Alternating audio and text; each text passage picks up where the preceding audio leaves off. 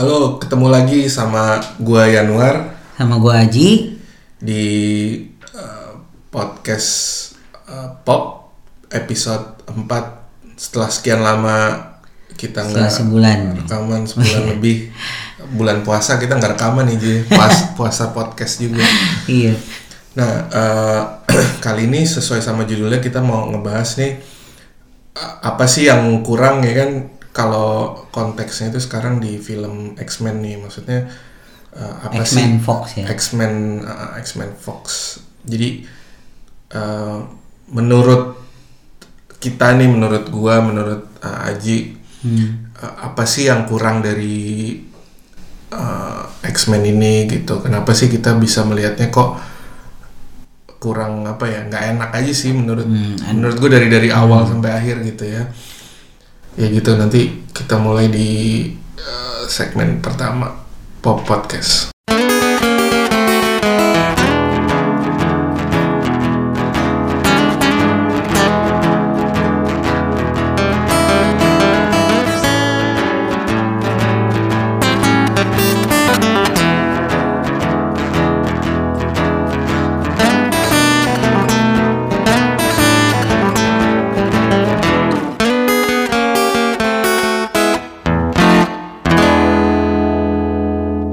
Ya oke Ji, Eh, sesuai seperti yang tadi udah kita omongin di awal ya eh, tentang X-Men nih. Iya. Jadi kan eh, X-Men Dark Phoenix ini kan sebenarnya menutup Closure-nya lah ya, closure-nya Closure, closure. saga X-Men ini. sesaat. gua, aduh ya gua ngeliat. Lebih baik kita bilang perjalanan X-Men aja ya, perjalanan X-Men di Fox ya. Iya, perjalanan bukan perjalanan Fox dalam eh, menggambarkan X-Men itu sendiri gitu. Nah, Tapi kalau gue dari gue pribadi sih ya, Nu ya. Hmm. Dari film pertama sampai sekarang ini udah film keberapa nih? Untuk untuk tujuh ya. ketujuh ya. Eh, ntar dulu. Itu kita ngitung Wolverine nggak? Kita ngitung Universe Wolverine nggak nih? Gua enggak. Nggak. Ntar Berarti kalau kalau nggak ngitung Wolverine kan si eh, yang Make Foy ya, yang Ah. apa, yang baru itu kan si First Class, Day of Future Days Past. of Future Past, Yang Apocalypse, Apocalypse, sama Dark Phoenix. Phoenix. Empatnya tujuh kan, Ah. X-Men-nya tujuh. Wolverine-nya gue nggak ngitung Wolverine satu. Kenapa? Wolverine sa- karena itu itu sampah.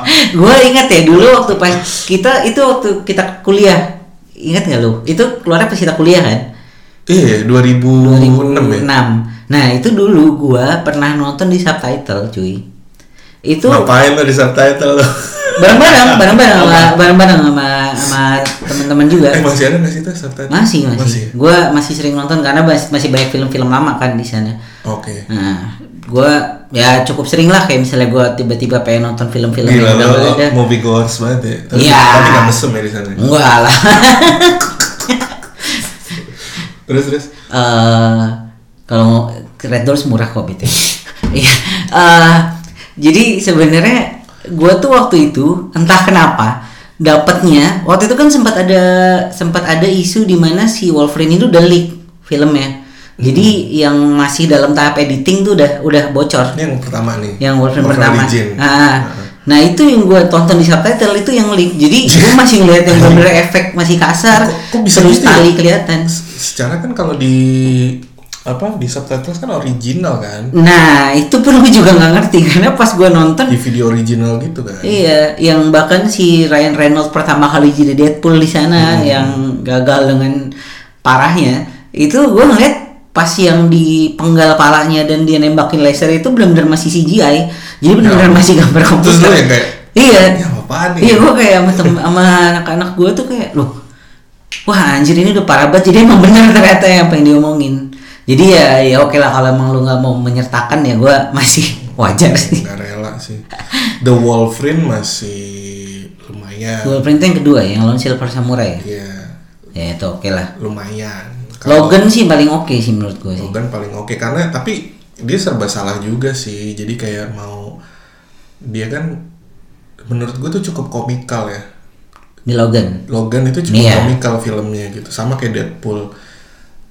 Tapi jadi kayak apa? Gue suka banget X-Men. Gue nggak baca banyak. Jujur gue nggak baca banyak gitu. Mm-mm. tapi kita lihat gitu kan si film Logan ini dia pengen ngambil adaptasi dari komik digabungin lah sama universe-nya X-Men makanya gue bilang sebenarnya film triloginya Wolverine itu nggak masuk karena aneh gitu Ji secara timeline kan Profesor X kan Profesor X yang si Patrick Stewart. Patrick Stewart gitu kan kenapa itu yang dimasukin gitu dan ya udah banyak banget lah lu juga lihat di comicbook.com di apa eh, channel-channel YouTube orang luar yang ngebahas tentang universe X-Men Iya. memang udah parah berantakan kan jadi memang pada akhirnya gini kan di di kita nih rilis ini eh, apa podcast ini kita rekaman hari Minggu gitu kan Hmm. Minggu siang. Hari Jumat kan udah rilis tuh film si Dark Phoenix. Gue nonton kan gitu. Eh, langsung nonton. Walaupun gue ya nggak pernah puas cuman nggak bisa aja gitu. Gue kayak walaupun jelek ya udahlah gue coba nonton gitu nah tapi pada akhirnya gue kayak nggak punya ekspektasi apa apa gini. Eh, apa namanya se, se- sebelumnya nonton Apokalips gitu kan Days of Future Past tuh masih ada masih punya ekspektasi tapi sekarang yang kayak apalagi ngeliat Rotten Tomatoes yang cuma 18% katanya kan ratingnya. Ya udah deh nggak apa eh, kayak gua kayak nge- ngebuang banget em, ya pengetahuan tentang X-Men yang gue punya gitu. Jadi kayak bener-bener lu nonton nih kayak nonton film Brightburn Ji. Lu tahu film itu kayak nyeritain tentang Superman tapi di Di di, di konteks ya. ya, di konteks yang berbeda. Kalau Superman menyelamatkan dunia ini justru menghancurkan dunia gitu. Cukup itunya aja gitu premisnya tapi eh, detail-detailnya gue mencoba buang dan secara mengejutkan sebenarnya nggak seburuk itu gitu ternyata. Ya itu emang udah buruk tapi seburuk itu banyak hal yang sebenarnya gua nggak setuju ya ini maks- maksudnya kalau misalnya gua mau nge-review nih dari dari universe-nya dia sendiri gitu apa sih yang yang yang yang bikin sebenarnya minus banget apa sih yang bikin kurang gitu Iya. kalau yang paling substansial menurut gua itu masalah kostum Oke. itu gua nggak pernah berhenti mengeluh ya maksudnya Dari X-Men 1 tuh ya. dari X-Men 1 dulu kan sempet di X-Men 1 kan sempet ada satu scene ya si Wolverine bilang yang dia mau naik eh, apa jetnya itu Hmm. dia mau ke yang patung Liberty terus dia bilang kalau dia dia sempat ngomong yang sempat bahas kostum gitu terus dia bilang terus kita mau pakai apa? Spandex warna warna kuning biru katanya gitu kan. Itu kayak kayak nyindir dan di salah satu wawancaranya waktu itu Brian Singer kan directornya dia bilang dia pengen menciptakan universe X-Men yang menurutnya masih masuk dengan realita gitu loh jadi Oke. menurut dia aneh aja nggak sih kalau misalnya ada sekumpulan orang berkekuatan super terus pakai kostum warna-warni gitu itu menurut gue udah salah banget gitu Tapi di saat yang sama MCU bikin Avengers kostumnya warna-warni. nah ya kan maksudnya nggak di saat yang sama sih Enggak, maksudnya- beberapa tahun iya, setelah beberapa itu tahun setelahnya gitu kan. kan. itu kan si X-Men itu kan tahun 2000 ya awalnya 2000 awal. bener gak sih 2000 kan 2000-an. 2001, 2000. 2000 ya? Pas banget 2000 pas ya? 2000. Eh, itu kayak apa namanya sekumpulan manusia berkekuatan super pakai seragam jadi kayak ini tau gak lo apa karyawan Trans TV Iya kan aneh kan maksudnya dari situ aja lo udah ngeluarin statement kayak menurut gini menurut Brian Singer dia bilang nggak relevan gitu. Kita bikin movie tapi lo pakai kostum jadinya kelihatan konyol. Enggak enggak kayak gitu gitu. Kenapa? Lo nonton Spider-Man ada nggak lo ngerasa konyol? Enggak sih. Eh, lo lo lo bikin film X-Men Iya. ada orang bisa ngendaliin cuaca ada Iya. orang bisa ngeluarin cakar dari tangannya. Emang menurut lo Itu apa? Ya kan? Relevan, aneh kan? juga, iya. aneh kan? Dan dan itu masih terbawa sampai sekarang gitu. Karena kan si Brian Singer selain dia jadi director di first class dia udah ninggalin kan eh, kursi apa sutradara tapi dia jadi produser sih, setahu gue Ya, Oke. jadi dia tetap masih punya andil. Nah gue nggak tahu nih salahnya di mana. Maksudnya apa dari interpretasinya si Brian karena Deadpool sendiri akhirnya apa? Ryan Reynolds kan yang yang yang mengeluarkan ide kan bahwa kita bikin spin off deh Deadpool. Karena kan jelek banget kan? Iya. di The Wolverine kan gitu. Dihina apa segala macam. Gue nggak tahu apa dia fanboy apa gimana. Terus dia pengen bikin kan sesuai dengan interpretasi dia ngikutin di komik ya kan akhirnya sukses Iya, Nggak karena menurut masalah gua dari sisi cerita, dari sisi penggambaran karakter, dari sisi kostum. karena menurut aja. Deadpool tuh udah melanggar semua batas yang ada sih bahkan batas atas universe antar universe aja udah dilanggar sama dia kan yang itu yang apa? yang dari Breaking film itu. film ya film pertama yang dia ngeluarin eh, yang pas dia mau dioperasi itu dia bilang tolong jangan bikin gua jadi bercahaya ya ya maksud gua ya mungkin kalau dari dari pemahaman gue sendiri mungkin Ryan Reynolds itu memang pengen bikin film yang ya udah gitu loh dia pengen bikin film yang kocak ada actionnya juga dan Ya sesuai sama komik Ah, lah. sesuai sama ya istilahnya sesuai orang Deadpool tuh kayak gimana sih penggambarannya ya dia pengen itu yang ditonjolin gitu. Ya referensinya bener lah gitu, Iya. bener lah. Sekarang gini Ji, itu satu kostum X-Men, ya. Terus eh, kedua penggambaran karakter nih, penggambaran karakter secara Nah, secara gua- tim ya. Gue sih melihat juga permasalahannya juga di penggambaran karakternya juga sih. Secara tim, tapi ini gue Iya. ngomong secara tim nih. Gue terlepas dari kalau kalau penggambaran karakter individual bisa kita bahas setelah ini ya, tapi itu udah pasti hancur lebur. Ini kita ngomongin tim aja gitu. Kenapa? Satu di komik itu, emang gini ya, kom- komik X-Men itu luas banget gitu loh. Maksud gue, Iya. kalau lu mau bahas X-Men itu lebih luas daripada bahas Avengers. Itu lebih kayak bisa 4-5 kali lipatnya Avengers deh. Maksudnya lu udah ngumpulin orang-orang berkekuatan super segala macem dan udah banyak banget saganya bahkan sampai sekarang gue udah sampai bingung gitu yang ada X-Men Red, X-Men Gold Iya, segala iya. macem kan. Tapi kalau misalnya kita balik lagi ke yang tradisional gitu maksudnya satu nih X-Men itu kan sebenarnya pemimpinnya kan Cyclops Iya. gitu. Ya, sebenarnya kan harusnya ada dua tim kan di situ kan. dua tim gimana? Yang si timnya Wolverine sama timnya Cyclops itu kan. Iya. Tim Blue sama Gold kalau nggak Oh, yang yang ini udah yang Nah, modern nih. nah. Heeh.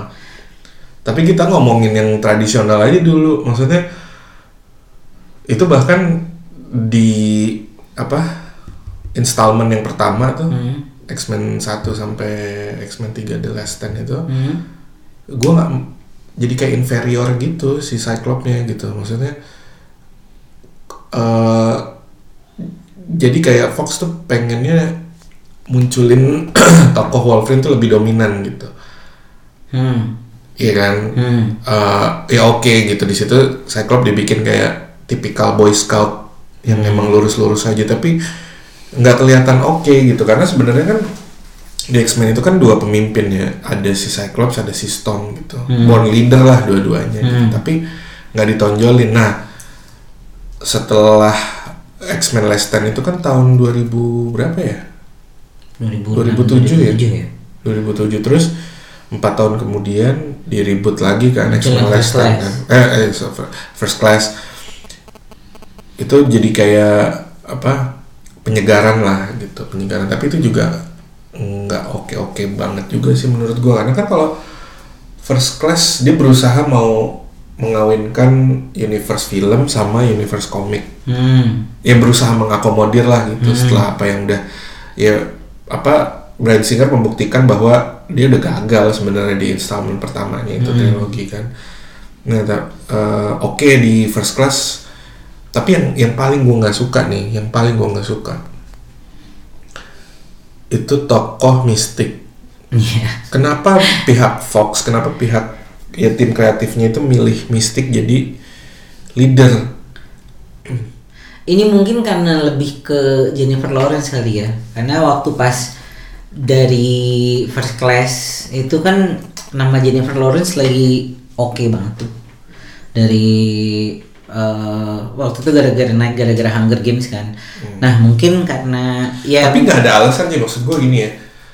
Ibaratnya kalau di klub sepak bola nih pemain nggak boleh lebih besar dari klub gitu ngerti nggak? Memang. Iya kan? Memang, tapi kan tiap di film X, X1 sampai X3 itu juga yang lebih dominan kan juga sebenarnya Wolverine kan. Lu iya. bahkan kayak yang lain tuh Hugh Jackman tuh kayak kayak itu filmnya Hugh Jackman yang lain itu cuman jadi cameo-nya mereka gitu. Padahal lu Itu punya sih, padahal lu punya tai Halle sih, Berry tai sih. di situ. Lu punya Iya. Halle Berry, lu punya eh, Patrick Stewart, lu punya Ian McKellen yang bener-bener Aduh, itu kayak- itu parah juga tuh sebenarnya itu itu kalau kita ngomong apa namanya dijembrengin karakter per apa namanya per individu tuh itu gagal banget itu Magneto Iya. tua itu menurut gua aneh banget Iya memang. Dan ya sebenarnya kalau lu lihat eh, Dark Phoenix itu kan ngambil timeline itu 92 Dua. kalau nggak salah ya. 92 2000 2000 awal itu Magnetonya udah Ian Michael nah apa yang terjadi di 92 sampai 2000 itu kenapa sih Michael Fassbender tuh jadi tiba-tiba tua gitu ya kan? Ya udah udah udah berantakan. Itu udah gak ada obatnya sih Iya, ya sebenarnya sebenarnya ini dari pas pertama kali gue nonton eh, kalau nggak salah di Wol- The Wolverine itu ada eh, terakhir itu di post credit scene itu ada yang James McAvoy datang nyamperin Wolverine kalau nggak salah. Hmm. Yang dia sama Patrick Stewart juga. Yang mau yang itu yang pasti mau di bridging ke Day of Future Past kan. iya emang sama Patrick Stewart tuh Iya. Iya, gua gua gua. ngeliat itu itu itu gue inget banget nggak- nggak. Dan dari situ gue udah ngerasa wah ini udah hancur nih. Dari situ gue udah mulai ya gimana ya? Terus terang dulu tuh gue bisa dibilang gue suka banget X-Men sih karena dulu X-Men itu tontonan gue waktu pas kecil dulu kan ada X-Men animated yang, series eh, tuh. yang kelas 90 Nah, nah itu gue bener-bener suka gitu kan. Mereka eh, ya maksudnya mungkin karena itu komikal juga gitu kan. Dan menurut gue di situ tuh penggambaran ceritanya tuh bagus gitu loh. Di mana mereka udah settle jadi tim, muncul satu anak baru, Jubilee. Nah itu eh, terus mereka akhirnya istilahnya apa ya? Me- mem- mementori si Jubilee ini gitu loh, membuat si Jubilee ini jadi mutant yang pantas gitu loh. Dan akhirnya di situ akhirnya ada ada cara Wolverine kayak gimana, cara Storm kayak gimana, caranya Cyclops kayak gimana. Nah sebenarnya pada saat X-Men keluar, gue tuh berharapnya ya bakal seperti itu karena waktu itu yang mau dibawa si Rock kan. iya iya Nah waktu itu gue berpikir bahwa oke ini mungkin ini jadi Rock itu mungkin akan jadi Jubilee di X-Men Animated Series itu di mana dia mutant baru yang apalagi Rock kekuatannya bisa dibilang eh, Lumayan lah ya. Iya sangat iya mungkin maksud gue salah satu yang terkuat kan. iya Nah itu kayak menurut gue sebenarnya ini patut banget buat dicoba gitu. Cuma pas gue nonton pertama kali itu pas waktu itu masih SMA ya gue nonton X-Men ya iya itu gue kayak ngerasa kok ini film kok kayak nggak dapet feelnya. Ba- bahkan waktu pas Spider-Man pertama walaupun kayak begitu ceritanya ya. Spider-Man pertama yang mana nih? Yang Tobey Maguire. Ah. itu gue masih masih masih ngerasa hype-nya gitu loh waktu itu. Itu gue heran tuh orang-orang sampai sekarang ngomong salah satu Spider-Man terbaik menurut gue enggak loh Eh, mungkin karena dari Tobey Maguire dulu Peter Parker penggambarannya orang-orang kayak gitu kali ini. Iya menurut gue yang nggak tahu gue kayak kontroversi. Gue lebih suka versi si Andrew Garfield kan? Andrew gue juga lebih suka Andrew Garfield. Entah ya mungkin karena yang gue tonton dulu dan gue baca komiknya ya Spider-Man ya kayak penggambarannya kayak si Andrew Garfield Iya. gitu. Nah cuman kan ya zaman dulu kan mungkin orang-orang ngeliatnya oh Peter Parker tuh harusnya culun geek gitu kan. Ya Tobey Maguire mungkin pada waktu itu cocok. Walaupun menurut gue sekarang Tom Holland udah melakukan hal yang sangat luar biasa sih untuk jadi Berkat Kevin Spider-Man dan sebenarnya menurut gue berkat Kevin Feige dan berkat sebenarnya dari dianya juga dia orangnya kayak kelihatan reckless gitu kan. Bener-bener kayak anak masih kecil. Iya. Ya maksudnya kayak dari karakternya tuh kayak emang karakter orangnya kayak Hmm. gitu gitu loh. Bahkan kemarin sempat jadi masalah waktu pas dia main ke Disneyland yang tiba-tiba dia muncul. Ah, bukan. Jadi waktu itu kan dia datang tuh case-nya semua sama Jack Gyllenhaal sama si. Zendaya. Zendaya sama si yang siapa tuh? Iya, yang gendut dia itu. ah yang gendut itu si Ned itu. Ah. pokoknya dia ngepost foto dan di situ dia ngetek orang-orang ngetek teman-temannya di situ. Zendaya di tag di bagian titit. Dan itu tuh itu komennya orang-orang. Waktu itu di Twitter sama di Instagram pada ngomong oke dengan ini gue udah mentasbihkan Tom Holland udah bisa ngalahin Tobey Maguire udah become Iya. best Spider-Man ever ya maksudnya kayak gitu sebenarnya menurut gua ya sebenarnya menurut gua dari awal X-Men itu kayak sampai sekarang tuh kayak masih nyari jati diri aja gitu loh kayak Iya ya, gue sih. belum belum tahu gitu apa yang coba disampaikan kayak sebenarnya Apokalips itu kan musuh yang menurut gua paling kuat paling ya kuat gitu loh Hmm. tapi di se- sebelum Dark Phoenix gitu kan Hmm. dan sebenarnya menurut gua pada saat ada Apokalips juga kayak penggambaran Apokalips itu kayak ya begitu aja gitu loh kayak ini ya apa namanya sebenarnya kalau misal pas dilihat di awal dia bisa kuat banget apa segala Iya. macam endingnya cuma kayak gitu doang kan kayak aneh gak sih Iya, iya maksud gua itu tuh kayak kalau lu zaman dulu kayak lu tuh eh kalau lu mungkin langganan komik Conan kayak gue sekarang nih masih langganan komik detektif Conan kan gara-gara dari SMP gue SMP udah selesai gue gue dari SMP gue masih beli kan. Nah gue tuh sekarang karena ah, ya udahlah gue udah gue tuh sekarang udah ke tahap yang karena gue udah dulu dari dulu langganan jadi gue masih nggak beli. iya. Nah itu tuh ya kayak gitu. Makin ke sini tuh makin kayak kok gini doang ya gitu loh. Karena mungkin si Iya kayak ya kayak mungkin kayak Apokalips tuh scriptwriternya dari awal udah bikin Apokalips terlalu hebat sehingga dia bingung gimana, cara gimana ngalahinnya iya. soalnya itu kan panjang kan Iya. ceritanya kan arc-nya tuh Age of, of Apocalypse itu kan top komiknya aja kalau lo baca trade paper booknya yang tebel yang udah dikumpulin itu itu gila itu udah kayak kitab gitu Ji Hmm makanya. dan itu lo harus nyeritain cuman dua jam gitu maksudnya ya kelihatan banget sih eh, ya Fox memang bukan MCU gitu. Maksudnya MCU emang orang-orangnya kredibilitasnya udah nggak perlu dipertanyakan lagi lah. Maksudnya otaknya ya kan si Kevin Feige terus writernya apa semua segala macam emang mateng gitu. Ya balik lagi ke yang tadi yang poin kedua eh, penggambaran karakter secara timnya emang udah berantakan. Itu kelihatan juga pas di Days of Future Past ya kan digabungin tuh dari universe-nya si yang pertama sama yang kedua kan muncul lagi lah ada Kitty Pryde semua segala macam terus si Wolverine-nya kayak gitu Angel ya. juga ada Angel di Apokalips. Iya, Iya, ada. jahat. Iya, tapi nggak nggak jelas, beda Nah. lagi gitu kan, beda Hmm. lagi orangnya. Jadi sebenarnya kunci untuk menikmati film X-Men adalah lo nggak bisa membawa apa? Kenangan eh, iya, maksudnya ya. pengetahuan lo tentang apa interpretasi lo tentang X-Men lo harus buang jauh-jauh. Salahnya gua di 6 film sebelumnya gue selalu membawa itu. Hmm. Abis gue di PHP-in kayak em, apa di awal film kayak Days of Future Past dikasih lihat ada si siapa Cable kecil gitu kan. Hmm. Wah ini keren banget. Tapi ya udah nggak nggak bisa dibawa ke mana-mana juga gitu kan. Akhirnya kan Cable muncul di Deadpool 2 terus wah iya harusnya begini nih bikinnya gitu. Sebenarnya kan Deadpool juga masuknya kan ke universe X-Men kan karena kan dia pertama kali muncul di situ ya. Tapi ya udah mungkin tim tim Deadpool merasa bahwa nggak bisa nih mau dimasukin ke situ juga emang udah hancur banget kan sampai disindir-sindir juga kan di film kan nih Hmm, Profesor kayak- X yang mana nih yang Nah. apa Iron McKellen eh siapa tuh? bingung nih sama- Stewart apa si Karena gue bingung sama time Dia bahkan di Deadpool 2 tuh ada yang dia main ke sekolahnya Profesor Iya, iya. X dan dia kayak ini lagi-lagi cuma lu berdua doang nih ternyata ada yang lain gitu kan.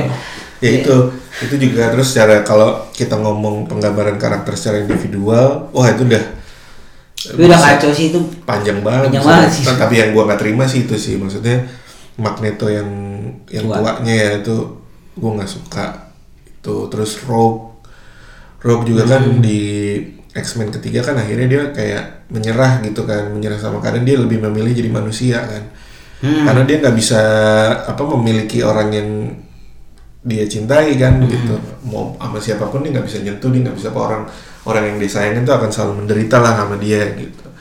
Dia memilih untuk jadi manusia padahal kalau misalnya di komik kan kayak lo bilang tadi salah satu mutant yang terkuat juga kan dia bisa dia bisa terbang gitu kan dia bisa adaptasi maksudnya ngambil kekuatan Menurut gue Rock tuh salah satu yang karakternya unik sih menurut gue di X-Men gitu ya. Selain Cyclops, Wolverine sama Storm tuh menurut gue yang paling unik ya Rogue gitu loh. Hmm. Makanya sebenarnya ya itu tadi kenapa gue melihat ada yang kurang ya mungkin karena dari awal gue waktu kecil itu gue udah udah udah ngeliat X-Men animated series dan ya maksud gue dan gue akhirnya tertarik untuk baca komiknya walaupun nggak semua ya maksudnya paling yang ya kayak X-Men yang tradisional gitu kan terus juga gue sempat baca Wolverine juga cuman ya menurut gue tuh ya itu kenapa gue terus nggak suka sama X-Men yang sekarang nih ya karena timeline ini pertama udah kacau kan sebenarnya kan ditambah lagi dengan seperti yang tadi lu bilang dari kostum dari karakter se- secara tim Sebenarnya. Fox ini menurut gua kayak Warner Bros. Ji. Warner Bros yang sekarang. Mereka Iya. ya udah apa messed up banget kan udah berantakan. Cuman bedanya Warner Bros masih setia. Ya udah lu pakai deh kostum yang warna-warni itu. Hmm. Kalau X-Men kayak tetap kekeh gitu.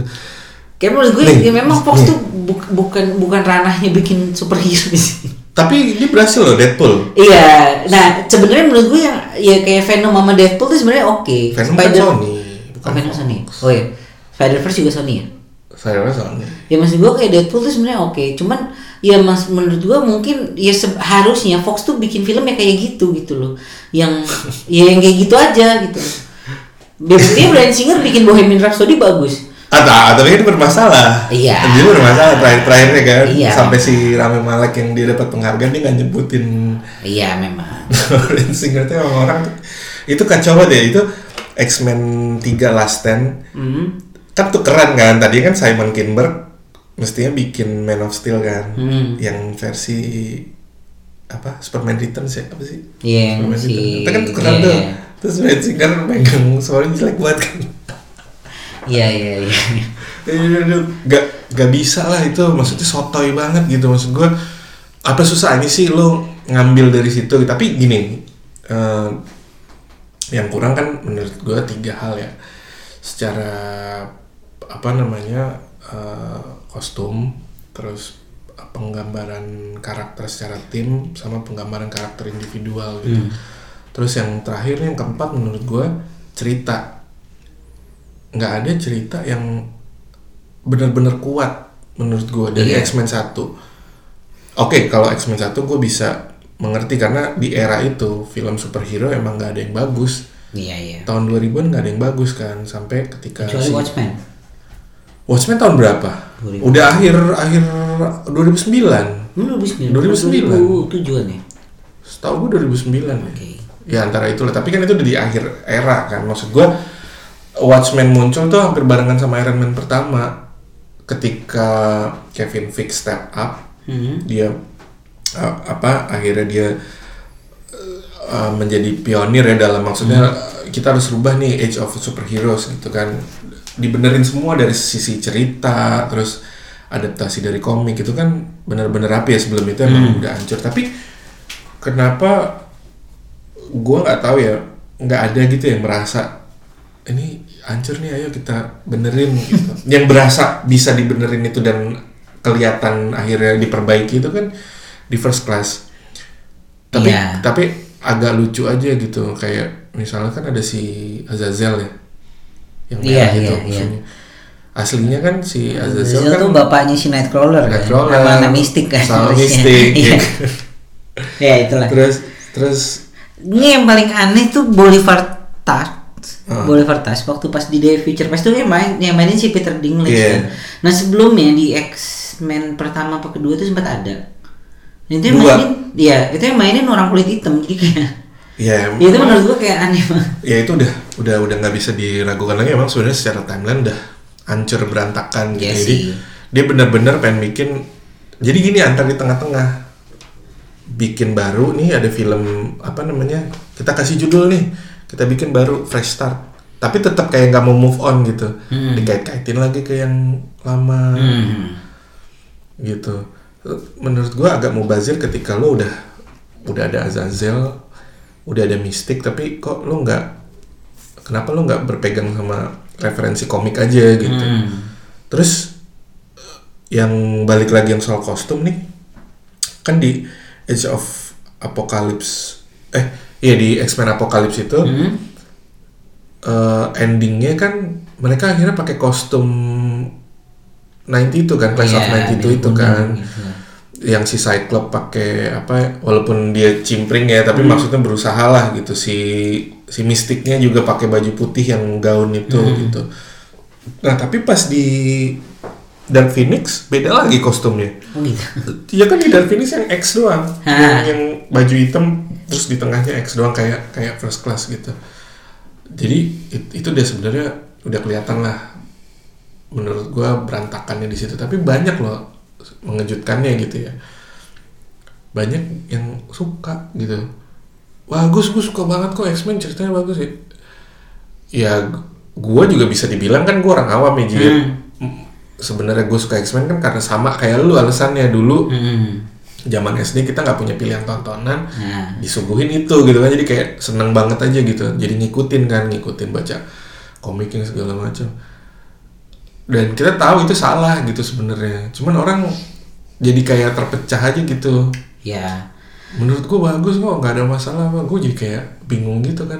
Ya pantesan aja mereka masih bisa nerusin apa Ba- iya. franchise-nya Ba- bahkan bahkan da- dari beberapa orang yang yang masih kekeh nyuruh gua nonton Dark Phoenix sampai sekarang itu mereka kayak bilang oh Sophie Turner loh.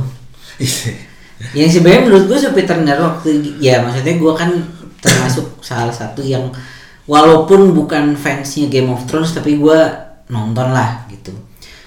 Gue ngeliat di Game of Thrones pun ya sebenarnya Sophie Turner bagus tapi bukan Apanya nih? Ba- bagus. Ya maksudnya secara secara karakter Tim, dia memang nggak kuat.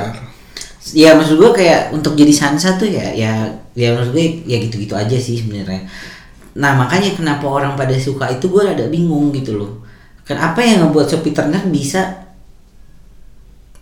turn back jadi bagus filmnya gitu loh apa apa yang bisa itu. Eh, eh, karena orang-orang jadi- tuh banyak banget yang ngomong Sophie Turner loh ada Sophie Turner loh maksud gua gue gue selama ini ya dari dari ya sorry sorry itu seksi tapi dari dari dari yang gue lihat selama Sophie Turner main film ini beberapa kali gue tuh nggak ngeliat ada yang spesial dari dia sendiri ya sorry itu seksi mungkin ini sekarang gue ngomong kayak gini mungkin fansnya Sansa Stark mungkin pasti pada kesel nih.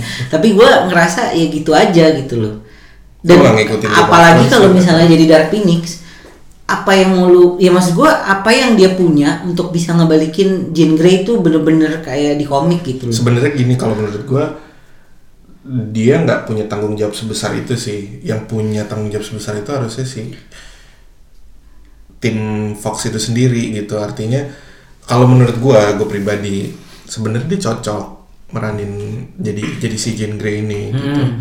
Tinggal di touch up aja maksudnya dikasih kostum yang pas gitu kan dan dandannya pas oke lah gitu. Dia salah satu tokoh yang menurut gua secara karakter tuh bisa gitu bisa Oke. masuk cocok gitu Eh, jadi jadi jadi tokoh itu gitu kalau misalnya kayak Wolverine kata orang bagus tapi enggak Wolverine itu kalau di komik pendek Iya, iya. dia nggak dia nggak tinggi kayak si Bulky gitu, iya heeh. terus nggak pernah sekalipun dia pakai kostum juga Hmm. gitu kan jadi kayak kalau orang lain bilang cocok sebenarnya enggak sih menurut gua ya dari penggambaran karakter kurangnya tuh di situ tuh cuman kalau misalnya orang dipaksa dalam tanda kutip untuk ngikutin installmentnya kan yang pertama yang kedua udah ada tujuh film ya mau nggak mau jadi suka kan bilangnya oh eh, apa namanya ada ada berapa Superman yang merani orang ada berapa orang yang meranin Superman ada berapa orang yang meranin Hulk tapi cuma satu orang yang meranin Wolverine gitu ya itu kan kayak mau nggak mau Oke. mau nggak mau suka nggak suka Ya gitu karena lu udah udah mindset lu udah dibikin sama iya udah udah dibangun kan gitu dan sebenarnya kalau misalnya mau tilik tuh semua film kan pasti ada plot hole tapi ini terlalu terlalu besar gitu hole-nya gitu. jadi Ya. kayak black hole kayak di Interstellar. Nah, ya. itu gue nggak nggak nggak setuju banget di situ si Mystic di film X-Men ini ya di terutama Dark Phoenix dia dominan banget dan dia kelihatan banget dia sebagai seorang pemimpin gitu. Dia T- pas Tapi itu bukan yang kelihatan udah dari of Future Past ya. iya tapi di sini makin makin jelas ji. Karena udah jelas dia nyuruh. Yang pas dia nyelamatin astronot tuh di adegan awal film tuh eh, apa Kurt ke sana sama si siapa namanya? Pietro gitu kan. Ngambil eh, Storm gini gini gini. Mestinya yang melakukan itu kan si Cyclops gitu maksudnya sebagai sebagai pemimpin ya di X-Men yang tradisional. Tapi kan aneh gitu. Itu satu lu lu ngejadiin Mystic jadi pemimpin X-Men. Padahal sebenarnya dia musuh bebuyutan banget kan sebenarnya Iya. sih itu. Terus yang kedua Storm dijadiin anggota Apocalypse and the Four, Horse, Four Horsemen itu Hmm, Oke, gue belum tahu sih. Kan gue belum nonton Dark Phoenix kan. bukan bukan yang di Apocalypse Oh ini Apokalips ya ya ya Kan ya. Oh iya iya jadi- iya. jadi iya, anak iya, buahnya iya, si iya. Apokalips kan Yang itu sebenarnya nggak pernah terjadi. Iya iya iya. iya. gitu maksudnya seorang Storm gitu kan itu kan aneh Ci maksudnya seorang Storm yang udah jelas-jelas dia uh, pemimpin dia nggak pernah berpaling sedikit pun dari apa sisinya X-Men dia nggak pernah korup gitu bahkan sampai Avengers versus X-Men segala macam kan sampai sampai Civil War gitu juga. Dia memilih gitu untuk untuk tetap di apa namanya di sisi uh, uh, gitu. Tiba-tiba dibikin lah muncul jadi anak buahnya apokalips terus si Mystic Nah, iya. Dan gue tuh waktu itu pas di Apokalips, gue tuh eh, setengah berharap bahwa si Storm tuh akan ngebelot gitu. Tapi kan emang terakhir kan iya kan Iya, tapi kan maksudnya kayak gue tuh berharap dia kayak murni jadi penjaga Ah. kumpul ini jadi kayak bener-bener yang oke ini kita ribut tapi bener-bener bukan cuma diribut tapi dibikin sesuatu yang iya, baru dibikin sesuatu yang baru gitu loh. Di luar kebiasaan. Ya, ya tapi ya ya udahlah. Ya gue sebenarnya menurut gue kalaupun gue nanti ya karena gue belum nonton dari Phoenix juga kalaupun nanti gue nonton gue pun pasti tapi menurut gue lo harus nonton sih menurut gue lo harus nonton maksud gue gue gue dengan senang hati nonton kenapa? Karena gue emang udah niat banget gue pengen bikin konten ini gue pengen ngebahas. Karena ini udah udah udah selesai Hmm. gitu. X-Men di Fox sudah selesai kita tinggal nunggu eh, Kevin Feige nih ngerombak. Mung- mungkin ya gue gue gue gue sampai ngebayangin gini Ji. Eh, Dark Phoenix rilis gitu terus Kevin Feige yang kayak ya dia kita nonton gitu. Terus dia, ya suka sekali lah. Lo mau bikin apa nih? Hancur banget nih berantakan nih bakal ya udah udah selesai. Dia bahkan nggak perlu menyapu itu semua kan. Dengan udah kembalinya ke Disney gue punya keyakinan gitu 200% bahkan Kevin Feige akan membuat sesuatu yang yang proper yang jauh lebih bagus gitu. Karena dia udah menjawab semua kan walaupun nggak semuanya juga ya ibaratnya kayak Captain America Civil War itu jauh banget gitu sama komik gitu kan. Ya tapi tapi dia bisa Karena gitu. ya- Ah, ya kita kita kita jadi bisa memaklumi bahwa oke dengan keterbatasan apa namanya lisensi yang lu punya lu masih bisa bikin film kayak gitu Hmm. kayak- karena itu masih ngelit ke film-film berikutnya. Hmm, gitu loh maksudnya masih ada sambungannya gitu. Iya. masih punya tujuan lah. Kalau Fox kan kayak orang Bros. nggak punya tujuan lu bahkan nggak lu lu ya lu ribut lu bikin sesuatu ya, ibaratnya gini ya maksudnya lu bikin mistik masuk ke timnya X-Men ibaratnya kalau di DC Lex Luthor jadi baik itu kan kayak hal yang aneh nggak sih menurut lu ngeliatnya Ya, tapi di Injustice kan jadi baik. ya iya sih gua anjing gua tapi beda maksudnya akhirnya jadi baik kan karena ya iya sih tapi kan itu beda-beda universe kan Iya iya iya. Beda universe universe ada Luthor yang baik ada Luthor yang Iya iya iya. jahat tapi secara tradisional maksudnya kita ngomong secara tradisional maksudnya Iya, iya. di layar lebar gitu itu kan kayak aneh gitu Iya, it- itu ibaratnya lu ngelihat kayak gue istilahnya nggak nggak nggak gue nggak habis pikir gitu kenapa sih ini orang-orang ini gitu apa sih yang salah mereka gitu apa mereka emang pengen sengaja ngancurin gitu Iya. nggak tahu karena sih. karena Deadpool bisa baik-baik aja Deadpool Nggak, ya makanya menurut gue nih ya memang harusnya emang dibikinnya kayak gitu nu. Lu ya dilepasin aja gitu loh.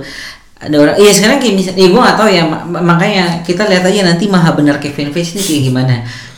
Karena ya kayak menurut gue nih ya sebenarnya mesayahnya nih ada di Kevin Feige semua sebenarnya. Nah jadi ya kalau misalnya Oh, gua- emang harus diambil ya dan diribut gue sih yakin kalau ya seperti yang tadi gue bilang maha, maha benar Kevin M- di- MCU udah boleh Ya, pakai kata-kata mutant lagi dong ya Udah. Nah makanya gua nggak tahu nih apakah New Mutant jadi apa enggak. New Mutant bukannya udah ada serialnya ya? Iya tapi kan maksudnya katanya mau dibikin jadi satu ke MCU kan. oh iya Nah, nah sebenarnya, nah gue juga nggak tahu nih karena banyak banget. Ya itulah MCU kan banyak banget simpang siur kan, banyak terus banget itu apa namanya teori-teori nggak- konspirasi. nggak nggak pernah bocor gitu lagi rasanya Nah itu yang gue gue selalu suka nonton MCU adalah ya bahkan kayak kemarin kayak balik lagi ke Endgame kayak kemarin tuh sempat keluar yang eh, bocoran di beberapa situs yang alatnya untuk Nah, ah, ah, apa time travel itu kan. Tapi lu tetap aja nggak bisa nebak arah ceritanya Iya, iya, gitu iya. loh.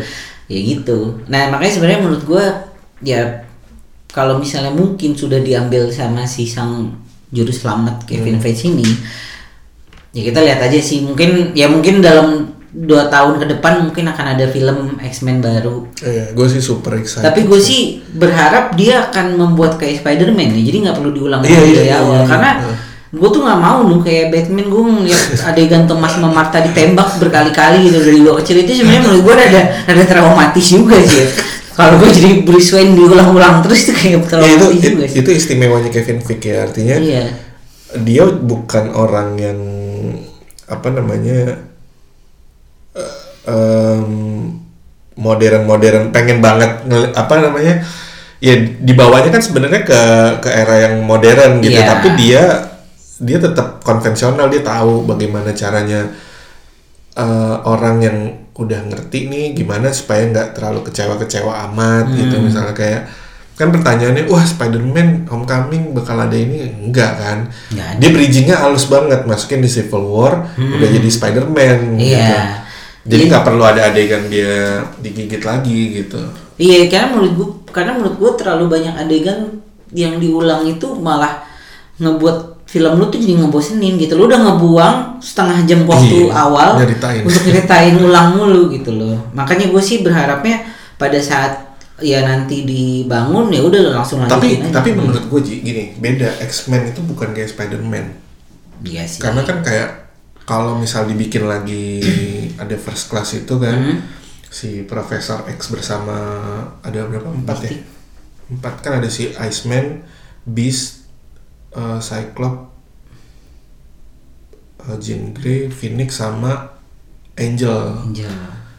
Tapi Angel kan ya akhirnya berubah lagi di apa? Ya dia kan dia kan first class kan, nggak artinya kalau misalnya pun mau diceritain gue rela gitu artinya dia tinggal milih nih mau mau mau ngambil yang versi mana yang tradisional banget dan gue rasa dia cukup pinter lah untuk ngebangun itu menarik sih karena menurut gue justru gue pribadi itu harus di ketika lo memilih untuk di reboot gitu ya Itu harus dieksplor ulang. harus dieksplor gitu karena Oke. mana X-Men first class yang 2011 juga menurut gue banyak banget ini lah plot hole hole-nya, oh, iya sih. layak banget buat di ini kok buat diceritain ulang ya menarik sih artinya gue sih lega gitu ngelihat ini semua udah berakhir dan gue harus ngelihat penutupannya. Tapi nah gini Ji surprisingly ya maksudnya ternyata nggak seburuk itu loh. Menurut gue ya gue nonton ya. ya. apa eh, Days of Future Past jelek banget menurut gue terus si Apocalypse juga. Walaupun ini nggak bagus first class ya Hmm. tapi gue kaget gitu. Di awal cerita si Profesor X nemuin Jean Grey kecil gitu terus dia gue salut nih sama writer dia bagus banget. Dia, dia, dia bikin analogi gini. Di apa namanya di scene itu katanya. Lo gue kasih hadiah nih pulpen katanya gitu. Nah sekarang tergantung lo. Pulpen ini lo bisa pakai apa aja. Oh, lo bisa nyolok mata orang Hmm. lo bisa menulis sesuatu yang bagus. Gue pikir mau kayak sales gitu, ujian sales disuruh nawarin pulpen enggak ya? Enggak, dia bilang nah it- itu dibilang itu hadiah itu gift. Nah, sama sama kekuatan lu kekuatan lu juga gift. Sekarang terserah lu lu mau pakai ke yang baik atau ke yang jahat. Lu bisa dua-duanya gitu. Gue kayak ih bagus juga nih analoginya kan. Maksudnya secara penulisan buat gue pribadi itu cukup kuat gitu untuk untuk membuka ya membuka membuka cerita Dark Phoenix ini gitu karena kan di film itu kan ceritanya dia yang ngebunuh orang tuanya ya oke. Oh, gue baru tahu sih. Heeh. Ya kayak gue ibunya mati bapaknya masih hidup gitu terus di- di- dibuka dengan uh, penulisan yang menurut gua cukup kuat gitu penulisannya terlepas dari ya emang secara cerita biasa aja tapi gini ya maksudnya pas dia lagi lawan musuh-musuhnya itu Hmm? tuh lumayan sih maksudnya banyak adegan yang sadis walaupun nggak dikeluarin darah gitu Kayak Logan gitu ya. kayak kayak Logan dan gue suka banget sama Michael Fassbender ya dia Iya. cocok loh Sebenarnya kata temen gua yang udah nonton yang nyelamatin ya Michael Fassbender di Dark Phoenix. Iya, Iya. iya sih. Dia sama si James McAvoy tuh cocok kalau bisa kalau emang misalnya mau di reboot dan mereka masih ditarik gitu ya. Cocok sih gitu. Cuman yang gue sayangin ya Magneto gitu kan dia udah pakai helm tapi bajunya jas gitu gitu kan sayang ya. Hmm. Sebenarnya Oh. sebenarnya pas yang Apokalips tuh kostum udah lumayan tuh. Kan udah mau ngikut-ngikutin komik kan. Hmm. Psylocke juga udah lumayan. Kenapa pas lu apa namanya lu bikin film pamungkas terus jadi kayak ngerasa kayak plat Jakarta gitu kan B aja ya itu sih menurut gua dari dari semuanya kekurangannya itu gitu. Kita juga nggak bisa bahas terlalu panjang karena kan pasti lama banget ya jadi kayak ngeluarin unek-unek. unek-unek banget gitu. Ya, itu sih menurut gua. Jadi apa secara kostum tuh nomor satu lah. Salah banget kalau misalnya bikin film superhero Tapi kostumnya pakai gitu aja. heeh. gitu. Kalau diurutin kostum yang paling baik dari semua franchise dia ya si first class. nomor satu oh, ini enggak nomor satu si Apokalips. Oke. Gitu. Yang paling berantakan yang pertama sih yang pertama. Itu satu kostum terus penggambaran karakter. Yang terakhir cerita. Tapi kalau cerita ya balik lagi ke selera orang sih ya gitu. Soalnya banyak juga orang yang bilang gue suka ceritanya bagus apa segala macam. Ya iya udah. Tapi lo harus ngelepas apa namanya eh, Ya. ini lo mindset lo. Harus ngelepas mindset ya, ya sih. Mungkin gua nonton dengan kayak lu deh. Nggak. Ya lo harus nonton lo harus nonton. siapa apa telat sih makanya mestinya lu nonton dulu baru kita bikin konten ini jadi enak gitu diskusi Iya sih. ini cuma gue doang ya tapi karena karena kemarin tuh ya karena di kerjaan gue juga ada beberapa yang udah screening kan. Mereka Oh. tuh semua orang yang ikut screening itu seneng? Enggak bahkan bahkan eh, katanya pada saat screening itu ada beberapa eh, media yang walk out di tengah film katanya oh gitu Heeh. gaya-gayaan banget kayak ngerti aja Iya. ya itulah makanya gue rada ya udahlah gitu hmm. ya udah oke paling gitu ya maksudnya di segmen satu eh, kesimpulannya gitu jadi Hmm. menurut gua gitu empat aspek itu sih yang yang bikin X-Men jadi mm, X-Men aja. Berantakan gitu. Tapi terlepas dari itu, gue mengapresiasi. Artinya enggak lah, nggak seburuk itulah. Dark Phoenix nggak nggak seburuk yang ditakutkan ya uh, nggak nggak kayak Fantastic Four sih. Fantastic Four yang mana nih Yang Simon Kinberg juga. oh, yang siapa? eh, Human Torch-nya yang si yang ini yang yang siapa Negro itu? Michael B Jordan Iya. nah. ya gitulah pokoknya ya oke. Eh, jadi segmen satu kita akhirnya kita ketemu lagi di segmen kedua setelah ini.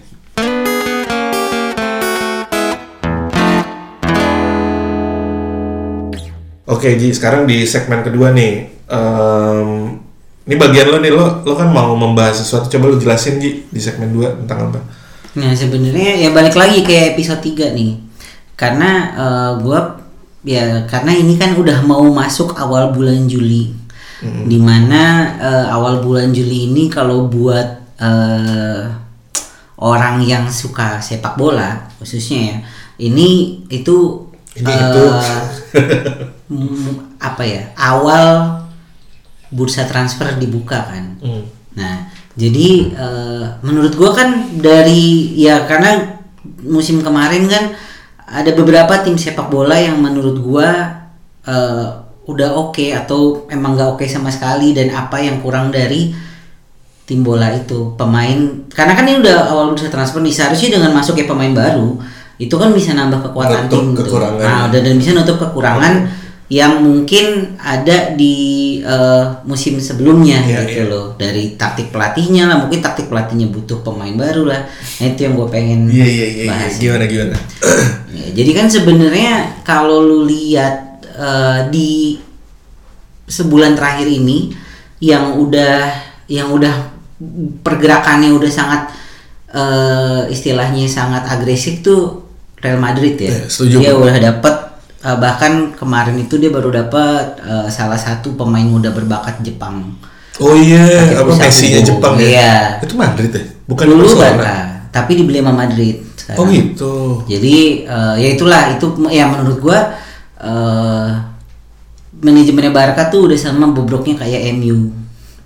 Udah udah nggak ngerti apa yang mereka mau lakukan sekarang gitu kan. Padahal sebenarnya mereka La Masia tuh udah masih ada beberapa eh, bakat yang bisa diorbit cuman ya gitu-gitu aja malah mereka sekarang beli pemain tengah yang menurut gua akhirnya malah jadi numpukin di tengah gitu loh. Itu bukan karena ini ya kemauan pelatihnya, Valverde. Iya, tapi menurut gua kayak ya oke lah lu mau lu eh, pelatih lu mau kayak gini tapi kan maksud gua semua itu dari boardnya juga kayak lu kayak misalnya nih La Masia itu sebenarnya ada beberapa pemain yang bisa diorbitin. Kayak misalnya Charles Alena atau misalnya kayak eh, kalau mau di ini lagi ada Abel Ruiz strikernya. Ada Aurel Busquets. Yang menurut gua pemain-pemain muda yang harusnya dapat tempat gitu loh. Dan se- se- secara sejarah Barcelona itu kan Secara tradisi. Iya, secara tradisi itu Barcelona Oh, iya, bisa sih, mencetak pemain dari La Masia kan ya lu bisa lihat sendiri dulu ada Puyol, Iya. ada Xavi, Iniesta, Messi. Messi. bahkan yang terakhir orbit walaupun eh, ini dibilang heboh banget juga apa maksudnya kayak dia itu pemain reguler atau enggak juga masih di- bisa diperdebatkan tuh Sergio Roberto kan Hmm. yang bisa main di mana aja gitu loh nah maksud gue sebenarnya di bursa transfer ini Barca tuh sebenarnya menurut gue gagal melihat apa yang harusnya mereka butuhin gitu loh Hmm. mereka tuh seharusnya yang mereka butuhin itu adalah eh ya kalau lu lihat dalam dua musim terakhir Barca itu kan bener-bener Messi sentris kan pada saat ada Iya, Messi setuju. pada saat ada Messi mereka agresif banget mereka galak banget tapi pada saat Messi nggak main atau Messi dimatiin kayak waktu kemarin lawan Liverpool yang akhirnya mereka kalah 4-0 itu ya ya udah mereka nggak bisa ngapa-ngapain gitu loh. mereka kayak Argentina sekarang pada saat Messi mati ya udah kelar gitu loh Nih eh, apa namanya tadi pagi juga udah kalah dari Kolombia nih. Iya makanya ini kan 2-0. iya minggu pagi ini dia baru kalah 2-0 kan dari dan bahkan ada beberapa orang yang ngomong yang rada sarkas ya menurut gua di sosial media bilang ini Messi lagi cedera apa gimana ya kok gua nggak ngeliat dia main gitu loh. Karena kan apa dia gue lihat susunannya pakai 4-2-3-1 tuh. Hmm. Dua dua holding midfieldernya gue nggak tahu lah siapa tapi tiga ke depan nih dari attacking midfield sampai depan kan ada si Aguero, terus Messi, Lo Celso, Di Maria. Iya makanya menurut Dia gua kuat banget itu. Dia bahkan nggak bisa mencetak gol. tapi ya nah menurut gua gini loh perbedaannya adalah nah kayak misalnya lu kayak di, karena ini Copa America baru mulai kan kalau lu ngeliat Brazil kemarin Brazil juga Menangnya gitu-gitu aja. menangnya 3-0 kan tapi menurut gua dengan Dua penalti adanya kan itu? iya tapi dengan gak adanya Neymar mereka tuh jadi sulit ketebak gitu loh mereka mau nyerang dari arah mana Hmm. nah kalau Argentina udah ketahuan pasti Messi dimatiin udah kelar Udah, iya, iya sih Messi ditaruh di center attacking midfield. Nah, karena kalau lu lihat di Piala Dunia kemarin tuh 2018 waktu lawan Iceland itu bener-bener mereka disiplin banget jaga Messi karena itu kayak kesusahan sendiri Argentina gitu loh. Dan gue lihat Barca tuh kayak gitu. Mereka harusnya untuk di musim ini sebenarnya menurut gue kurang dari Barca itu adalah mereka nggak punya plan B. Pada saat Messi mati nggak apa dimatiin sama pemain-pemain lawan, mereka nggak punya pola serangan baru gitu loh. Valverde juga kayaknya ya menurut gue dari segi pelatih juga memang harusnya diganti sih ya. Valverde menurut gue Oh, diperpanjang. sangat miskin kreasi kan ya dia udah bener-bener ngandelin Messi doang gitu loh. Ya istilahnya eh, pada saat pada saat terdesak kayak waktu pas lawan eh, Liverpool contohnya dia nggak bener-bener nggak punya plan B dia tetap stick sama plan yang dia punya aja gitu loh. Padahal menurut gua itu kan sebenarnya udah masalah dari zamannya Pep Guardiola ya Messi itu udah sentral banget gitu loh Enggak ah, di zaman Guardiola lu nggak ada Messi kan masih ada yang lain. Iya, tapi Ada tapi kan enggak Xavi. sebenarnya kalau menurut gue di Guardiola itu eh, Messi itu sentral karena dua pemain tengah Iniesta sama Xavi itu sebenarnya yang ngaruh banget kan. Heeh. Makanya waktu itu pas dia bisa kalah sama Bayern Munchen yang 3-0 di kandang, Heeh. 4-0 di kandang lawan itu itu menurut gua karena si Jupp Heynckes itu udah tahu masalahnya di mana dia ngunci di tengah gitu kan Hmm. dia ngunci pergerakannya Xavi Iniesta Xavi sama Iniesta nggak bisa ngoper bola Messi mat Iya, Messi, Messi mati. Udah nggak bisa ngapa-ngapain udah di situ udah mati gaya tapi menurut gua kan sebenarnya dari dulu eh, Messi itu kan ya bisa dibilang pemain paling spesial yang Iya. dipunyai sama Barca kan nah menurut dia punya sebenarnya ini apa umat manusia. Iya sih. Karena ya menurut gua Messi tuh emang udah bakat ya seperti Iya. yang tadi kayak Jean Grey ya itu udah bakatnya dia dari kecil. Ya menurut gua itu kan sebenarnya hal-hal yang ya kayak menurut gua Barca tuh kurangnya di situ. Valverde tuh adalah pelatih yang menurut gue miskin kreasi banget dan dia bener-bener ngandelin pemain daripada bikin taktik baru. Maksud gue kalau lu lihat di uh, ada beberapa ada beberapa pelatih yang pada saat dia buntu dia akan ngubah formasi atau ngubah taktik gitu. Mourinho. Kayak Mourinho, kayak Ancelotti, kayak si ya Jurgen Klopp juga sama gitu. Walaupun Jurgen Klopp uh, menurut gua Liverpool juga sekarang mau nggak mau gue mesti mengakui memang timnya sangat kuat gitu kan. Kompak aja sih sebenarnya kalau lu ngomong kuat secara komposisi gua melihatnya nggak ada yang spesial sih. Justru karena itu nu. Karena mereka kompak. Akhirnya kayak zaman kelihatannya kayak, kuat kayak gitu. zaman ini tau gak apa MU 99 lu lihat deh. Gue zaman itu ya. Hmm. maksudnya gue ngeliat ini tim nggak ada pemain yang istimewa tapi kayak kuat banget. Kayak apa operannya tuh nyambung gitu Iya. Jadi, secara strategi juga ngejalan ini kayaknya enak. Dibandingin kayak zaman itu kan eh, Barcelona misalnya punya punya Rivaldo Ya Sonny Anderson. Sony, Sony. Tapi kan mengantul Rivaldo ya. Terus Inter punya Ronaldo, punya Roberto Baggio, Mm-mm. punya Zamorano. Terus Juventus punya Zidane. MU punya siapa ya kan? Maksudnya eh, Beckham juga belum belum sampai di level itu pada saat itu dan dia kan akademi kan, akademinya MU kan Beckham gitu. Strikernya bahkan yang mungkin yang paling berusia yang paling waktu itu pemain yang paling apa ya menurut gua paling eh, menonjol ya di situ ya si Michael sih sebenarnya. Michael- tapi juga dengan catatan pada saat itu dia umurnya udah 37 iya sih. Ya kan udah udah udah tua gitu. Jadi diisi nggak ada pemain yang ibaratnya eh, top notchnya lah gitu. Maksudnya kelas B aja gitu. Nah ya nah, makanya menurut gua sebenarnya kekuatan Liverpool itu ya ada di timnya sendiri gitu loh. Mereka timnya kuat karena mereka mainnya kolektif banget gitu loh. Mereka ngalirin bola itu bahkan kalau lu lihat nih permainan Jordan Henderson musim lalu itu kayak bagus banget gitu. Eh, kayak lebih bagus. Efektif lah. Iya lebih efektif dan ya menurut gue lebih bertenaga gitu. Pada saat dia maksudnya gue ngeliat Henderson dari beberapa tahun lalu waktu masih sama Gerrard jadi gitu-gitu aja mainnya gitu kan gak spesial tapi kemarin tuh kayak walaupun tetap nggak spesial tapi ada yang ya kan beda dia lah dikasih dikasih kepercayaan sama klub juga Hmm, kan. dia itu Gitu. makanya menurut gua ya ada beberapa pelatih yang pada saat dia mentok dia punya plan B gitu kan.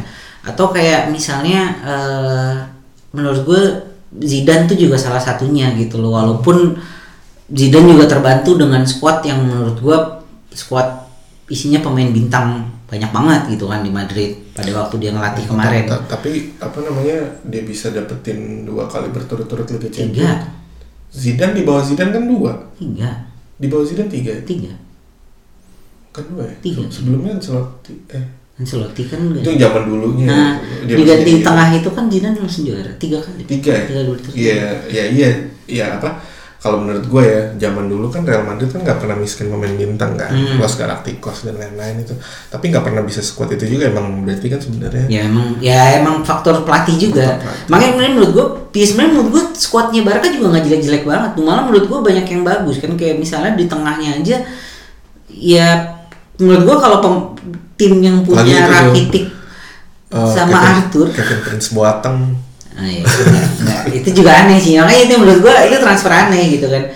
Kalau Vidal gua masih oke lah dia gua ngerti posisi yang mau dia pengen gitu. Nah kalau ya kalau dari Barca menurut gua itu kurangnya. Kalau dari Madrid sebenarnya kekurangannya dia ya sebenarnya udah bisa ditutupi dengan bahkan mungkin bahkan sekarang ada omongan jelas ada kekurangannya bahkan itu Ronaldo. dia nge- bahkan sekarang Zidane tuh masih ngincer Pogba katanya. Ya emang Pogba juga mau kan. Nah apa namanya em, lu kan fans MU nih. Hmm. nah coba kita loncat sekarang ke MU menurut lo gimana? Karena menurut gua Hmm. Ole ini salah satu pelatih miskin taktik sebenarnya. Iya. Bukan gini bu terlepas ya. Maksudnya bukan karena dia gimana gimana karena gue melihatnya secara pengalaman dia Masih belum belum banyak. Itu sih itu sih menurut gue ya gitu. Nah tapi kan tercermin dari gimana cara dia ngebawa timnya kan. Hmm.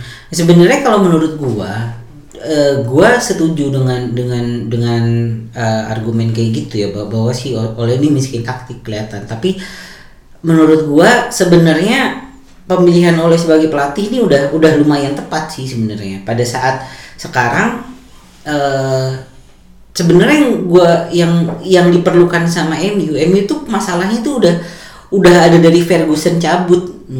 Pemainnya itu itu doang. Kayak ya MU nggak nggak punya pemain yang walaupun dibilang pemain kelas dunia kayak ada Pogba ada ini tapi ya tetap gitu-gitu aja gitu loh. Masalahnya belum terpecahkan juga karena back backnya masih begitu-gitu aja. Iya, itu kurangnya ya. Kalau ini kurangnya dari sisi Dari- back ya. dari back. Tapi juga menurut gua ya sebenarnya ini tuh udah ada dari zaman Ferguson. Cuman kenapa kenapa masih bisa juara? Ya sebenarnya kan faktornya ada di Ferguson. Dia bisa ngebangkitin mentalnya anak-anaknya dia kan? Nah sekarang karena ya sebenarnya menurut gua suasana di ruang ganti juga udah nggak enak sih kalau untuk MU sendiri kan? Itu loh Di saat- dari dari beritanya masalah gaji itu enggak sih? Nah, capek iya masalahnya kayak sebenarnya menurut gua kesalahan pertamanya itu adalah rekrut Sanchez. Alexis Sanchez. Ini kesalahan pertama ya. Maksud gua ini udah udah salahnya dari eh, manajemennya juga sih, dari Ed Woodward juga sih. Ya menurut gua makanya permasalahan utamanya sebenarnya ya Ed Woodward sebenarnya.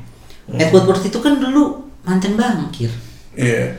mantan mantan akuntan publik ya ya istilahnya lo nyuruh mantan akuntan publik untuk eh, istilahnya ngerunning bisnis ya oke tapi pada saat invest untuk pemain ya dia nggak ngerti pemain yang mana. Dia ngeliat cuman yang sering muncul di TV aja mungkin. Makanya dia kayak beli Pogba beli Lukaku. Padahal menurut gue sebenarnya nggak sesuai sama kebutuhan tim juga. Karena menurut gue kayak MU tuh harusnya punya striker yang decision makingnya bagus di depan gitu loh. Karena Rashford sebenarnya secara teknik udah lumayan tapi pada saat di depan dia nggak tahu mau ngapain. Kadang kan. Lukaku first touch-nya aja udah jelek banget Anjing itu mau dibeli Inter nih gitu. nah itu emang udah ininya konten tapi kalau menurut gua kalau di Inter justru dia akan jadi bagus nu karena cara pakai Lukaku paling bagus adalah ya lu harus punya pemain yang support yang bagus kalau di Inter ya dia punya Perisic punya Politano punya Kandreva sebenarnya menurut gua oke sih Kan Dreva Dia- juga udah jarang dimainin kan. sekarang. tapi kan Politano oke Iya. ya menurut gua ya Itu kalau Perisic nggak dijual ya. Perisic kayak katanya sih nggak bakal dijual sih Nggak. nah sebenarnya kan ya sebenarnya menurut gua salah satu cara satu-satunya cara pakai Lukaku ya gitu karena kalau lu lihat di Belgia barisan supportnya dia itu kuat banget kan Gila sih. makanya dia bisa bisa bisa agresif banget di Belgia sampai ngegolin berkali-kali itu ya menurut gua karena ya memang cara pakai Lukaku ya kayak gitu karena dia target man nah Hmm. masalahnya di MU pemain tengahnya aja yang bisa megang bola cuman Pogba doang Iya. Selebihnya nggak ada. Ya Herrera oke lah dia bisa. Eh, tapi Herrera itu kan lebih ke box to box ya bukan bukan tipikal pemain yang megang bola ngatur tempo gitu loh. Nah sebenarnya itu kan makanya di buat yang musim lalu itu makanya mungkin beli Fred itu untuk Buat ngisi. seperti itu gitu kan. Ternyata tapi belum bisa memenuhi ekspektasi. Dua musim yang lalu beli Matic juga tadinya Ah, niatnya seperti itu untuk holding midfielder untuk ngatur tempo segala macam tapi ternyata dia udah terlalu lambat sekarang kan ya makanya Dia beli kemarin beli siapa tuh? Daniel James Daniel James itu apa back ya? nggak ada sayap Oke. karena jadi sebenarnya nah kalau menurut gua kalau MU itu PR-nya lumayan banyak sih Nu. dia butuh dia butuh back kanan yang bisa overlap sama bisa intercept bola yang bagus karena menurut gua Dalot oke tapi Dalot tuh masih muda pertama yang kedua Dalot itu secara secara eh, style dia tuh lebih attacking fullback kan Hmm. Nah, jadi pada saat nah udah gitu parahnya eh, parahnya nih sayap kanannya MU tuh nggak ada yang sayap kanan murni juga kan. Ya karena kan dia skema apa formasinya juga lebih banyak di 4-3-3 terakhir udah di 4-3-1-2 kan nggak ada main sayap. Nah, justru itu makanya pada saat Dalot maju ya udah pasti eh, kena serangan balik gampang banget Oh. gitu kan. Apalagi kalau Ashley Waduh. apalagi kalau Ashley ya Ashley ya udah pasti ya udahlah dia emang gitu-gitu aja kan dribble juga gitu-gitu doang nah makanya sebenarnya menurut gue yang diperluin tuh pertama itu right apa eh, back kanan full back kanan yang bagus Eh, yang kedua back tengah untuk untuk jadi sebenarnya untuk jadi tandem sekaligus mentornya Lindelof juga. Karena Lindelof gue akuin musim kemarin dia uh, oke udah lumayan udah lumayan berkembang lah dari musim musim sebelumnya kan. Tapi di pertandingan-pertandingan besar tuh Lindelof masih suka sayangnya masih suka bikin kesalahan yang menurut gua nggak terlalu penting gitu loh. Hmm. Bahkan malah kayak waktu lawan PSG yang bagus malah si Smalling. Iya. Nah itu kan sebenarnya nah Smalling itu tipikal pemain yang juga nggak bisa andelin tiap pertandingan kan. Ya makanya sebenarnya menurut gua harusnya dapat back yang bisa eh apa bisa untuk jadi mentor sekaligus jadi tandemnya Lindelof. Makanya sebenarnya menurut gua masih bisa tuh kemarin. Iya, main bersama, bagus banget ya. Beckham juga main masih bagus. Bahkan menurut gua dari semuanya, Gary Neville aja mah ngeset-ngeset mulu kan. Iya tapi kan di akhir pertandingan dicengin sama Iya, katanya dari dulu lu gak bisa ngeset ngapain sampai sekarang gitu. Ya, tapi maksud gua mentalitas kayak gitu yang diperluin sama MU sih sebenarnya. Nah makanya sebenarnya menurut gua waktu pas mau ngambil Koli Bali gua tuh lumayan seneng gitu loh waktu mau ada ada Bali kan tengah kan? back tengah Oh back tengah ya. iya eh, Bukan holding midfielder. Bukan, dia back tengah. Waktu dia mau ngambil Kuali Bali atau Maguire tuh sebenarnya gue cukup terkesan sih. Kalau misalnya dapat Maguire juga lumayan lah. Dia bisa dia kokoh banget kan di belakang walaupun mungkin nggak bukan back yang istilahnya bisa dibilang kelas dunia lah gitu. Iya, elite center back yang enggak sih. Cuman dia oke lah gitu. Dan kalau dapat Kuali Bali sebenarnya lebih bagus. Cuman harganya mahal banget. Napoli mau ngelepas itu 100 jutaan. Gila. Maguire pun setelah ternyata ditawar sama MU dinaikin lagi sama Leicester jadi 90 juta. Ya kalau pemain Inggris kan emang mahal-mahal Ji. Iya. Ya makanya mungkin kalau menurut gua kalau memang nyari back senior ya mungkin bisa ke Manolas lah. Manolas ya Roma. Hmm. Tapi lagi diincar juga kan? Sama Sama Arsenal. PSG juga kan? Ya PSG siapa nggak ngincer siapa sih nu? Kayak PSG itu setiap ada pemain pasti diincer sih. Sebenarnya juga menurut gua, nah ini juga butuh tengah yang bisa megang bola kan. Pogba, oke Pogba, Pogba ya menurut gua Pogba tuh statistiknya musim kemarin juga oke lah. Walaupun banyak eh, omongan-omongan miring tentang Pogba, tapi sebenarnya menurut gua dia cukup oke gitu loh. Statistiknya cukup bagus. Bahkan dia masuk ke Team of the Year juga kan Hmm. berarti kan memang dia pemainnya nggak jelek-jelek banget gitu cuman ya memang dia nggak punya support aja akhirnya dia kepaksa harus jadi box to box juga dia harus ngerebut bola Iya, dia harus ngalirin bola dia harus bawa bola. Sebenarnya menurut gua Iya itu makanya kalau di Prancis kenapa dia bisa bagus? Dia kayak bisa ngepercayain itu ke N'Golo Conte kan. Ah. Terus si satu lagi siapa namanya? Rabiot. Bukan ada yang Matuidi. Matuidi. Dia bisa bergerak leluasa di zonanya Hmm. dia gitu. Kalau di MU kan enggak. Nah makanya sebenarnya menurut gua nah sebenarnya menurut gua McTominay McTominay itu udah bisa untuk oh, McTominay itu. untuk untuk ngerusak udah bisa ya. Cuman tetap butuh, butuh jam satu terbang sih. tetap butuh satu pemain yang emang juga bisa eh, enggak dia butuh jam terbang sih menurut gue Ji. Iya, makanya kan Sokja dimainin mulu di akhir-akhir musim kan. iya sih. Nah, tapi menurut gua kalau misalnya musim depan bisa dapat satu back yang bisa megang bola, jadi untuk membantu meringankan bebannya Pogba, sebenarnya menurut gua lumayan sih. Tapi gini, gue ngeliat MU di setiap lininya tuh bermasalah ya. Apalagi nanti kan De Gea kan udah hampir pasti pindah tuh. Hmm. Siapa coba? Ya kalau menurut gua kasih Romero aja.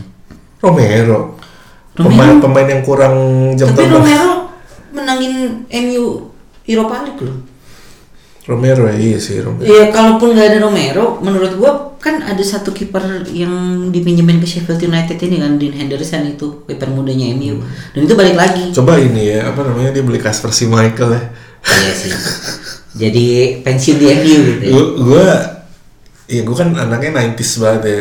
Gue ngikutin, gue suka dulu MU ngeliat ngeliat Cantona sama Beckham tuh gue suka. Jadi gue kayak sempet berandai-andai kenapa ya coba kalau misalnya dibeli gitu kan si Kasper si Michael gitu Iya sih. Lu- lucu juga kan dan dia kan sebenarnya secara skill juga nggak jelek-jelek amat Michael tuh menurut gua shot stoppingnya bagus sih. Udah gitu kalau untuk one on one di penalti itu lumayan. lumayan ya Jadi kalau menurut gua ya sebenarnya kalaupun De Gea cabut ya nggak. Nah makanya menurut gua harusnya yang jadi harusnya di bursa transfer ini Solskjaer tuh berusaha untuk nge-rebuild aja lagi gitu. nah kalau misalnya Lukaku cabut penggantinya Kalau menurut gua kalau untuk striker MU nggak terlalu butuh banget sih karena uh, udah udah ngomong juga kan bahwa dia untuk musim depan dia Fokus uh, formasinya udah pasti akan pakai Martial sama Rashford.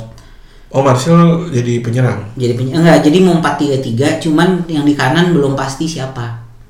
oh Nah, dan dia juga udah bilang bahwa dia belum bisa ngasih tahu Daniel James ini bakal main seberapa banyak tapi ya dia bakal 4-3-3 ngasih jam ya? terbang. Iya, dia pokoknya mau akan fokus ke 4-3-3. tiga tiga tuh kalau MU skemanya ditaruh di MU gue ngelihatnya kayak rapuh sih Tapi waktu dulu Ferguson pernah pakai 4-3-3. jarang banget Tapi waktu pas ada Park Ji-sung dia selalu pakai 4-3-3 nu. oh gitu Dia selalu pakai 4-3-3. Ronaldo, Rooney sama dulu waktu pas masih ada Nistelrooy ditaruh Nistelrooy waktu Nistelrooy udah nggak ada Ronaldo, Rooney, Saha selalu 4-3-3. Oh, Nah, cuman eh, kalau dulu kan sebenarnya Ferguson udah mengakui sendiri kan waktu pas zaman dulu memang regenerasi MU lambat gitu.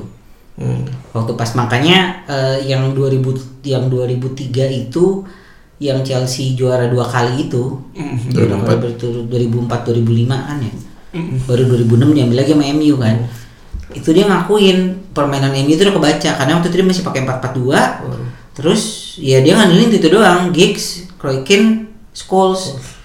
Jadi aliran bolanya udah kebaca gitu. Makanya dia ngubah nah skemanya. yang menarik Chelsea sih kan si Sari katanya mau ke Juventus tuh Nah, ya Iya balik kan? balik kampung ya akhirnya. balik kampung terus si siapa ditinggal sama si Hazard sedangkan kan Hazard kan jadi kunci kan motornya Chelsea kayak Iya. Messi-nya Chelsea lah Hmm. gitu dengan dia jual Hazard terus dia nggak punya persiapan untuk pengganti ya kan Dia sebenarnya kan dapat Pulisic sih. ya tapi kan Pulisic bukan Hazard Iya sih. Pulisic sebelumnya pernah main nggak di Liga Inggris Belum lah, ini kan dia baru baru ke Dortmund juga. udah udah gitu kan di, di Dortmund dia cadangan cadangannya Sancho Karena Tapi ya kalau Sancho MU keren tuh ya kan sempat ada wacana kan Iya, cuman tanya mahal banget nu. Dia minta sama kayak di FM tuh anjing 100 jutaan lah. Tapi lu beli Sancho nih dua musim langsung bagus gitu. Iya memang. Tapi ya itu masalahnya mahalnya itu loh dan ya untuk pemain muda ya kayaknya ya itu makanya sebenarnya kalau untuk dari Chelsea sendiri kan sebenarnya ya sebenarnya Chelsea tuh mah malah ada wacana bahkan mereka akan ngambil Frank Lampard untuk jadi pelatih kan. Eh iya iya, iya. gue gue nah itu juga menarik itu pengen gue bahas juga tuh. Nah itu kayak kemungkinan besar kan kayak Frank Lampard ya dibilangnya. Cuman bak ya gue ngeliatnya kayak ya ini bakal karam aja sih kapal ini maksudnya lu ditinggal Sari, lu dilatih sama Lampard, dia butuh waktu kan. Iya apalagi dia ah. dari championship kan. dari championship satu terus kedua Chelsea kita lihat setiap kali Hazard nggak main Ya, berantakan Hmm. nah sekarang siapa yang mau ngisi itu gitu dia pasti kena ban kan nggak boleh beli pemain kan Hmm. Ya makanya dia cuma bisa ngandelin oh si. Pulisic ya sama ini sebenarnya kan dia masih ada si Callum Hudson-Odoi itu kan ya udah belum belum kapasitasnya belum kayak si Iya. Hazard tapi menurut gua kayak Chelsea itu banyak banget trend boys ya kan apa? Banyak banget pemain-pemain pinjaman yang dipinjemin Oh, keluar iya. gitu loh. Mereka bahkan paling banyak kan ada 20-an kalau iya iya dia bisa bikin satu tim Iya, sebenarnya kalau misalnya kena transfer ban pun sebenarnya banyak banget pemain yang udah mereka punya gitu loh. tapi gini beda. Lu punya pemain sama lu punya pemain yang emang bener-bener bisa ngejalanin skema pelatih. Lu punya pemain banyak tapi nggak bisa lu pakai buat Tapi dari beberapa pemain itu, nu banyak banget. Ya menurut gue dari beberapa pemain itu ada beberapa bakat-bakat yang menurut gue harusnya dipertimbangkan gitu loh. Kayak misalnya Loftus Cheek. Loftus Cheek tuh akhirnya kan balik lagi ke Chelsea dan akhirnya dia ya membuktikan bahwa dia oke gitu loh. Nah sebenarnya bakatnya Loftus Cheek itu si Loftus Cheek ini udah bakatnya udah kelihatan dari dua musim yang lalu. Bahkan waktu dia main di Crystal Palace sudah kelihatan. Nathaniel Chalobah waktu di Napoli juga udah oke. Akhirnya dia dibeli sama Watford kan. Oh. Nah, terus kayak jadi sebenarnya menurut gue ada banyak, ada ada Mason Mount yang di derby juga dipakai sama Lampard dan oke Iya. banget gitu. Terus ada si Rhys James bek kanannya, di bek kiri ada Jada Silva. Menurut gue kayak sebenarnya mereka tuh udah bisa untuk menjawab ekspektasi sih seharusnya ya. Kalau mereka kalau misalnya Chelsea berani ngasih jam terbang karena menurut gua kayak Rhys James itu secara permainan mungkin lebih bagus daripada Victor Moses. Hmm. Nah, kalau misalnya bahkan bek kirinya Jada Silva tuh udah lumayan oke kalaupun kalau menurut gue dibandingin sama Marcos Alonso ya pasti bagus Iya. dia lah Marcos Alonso lambat gitu.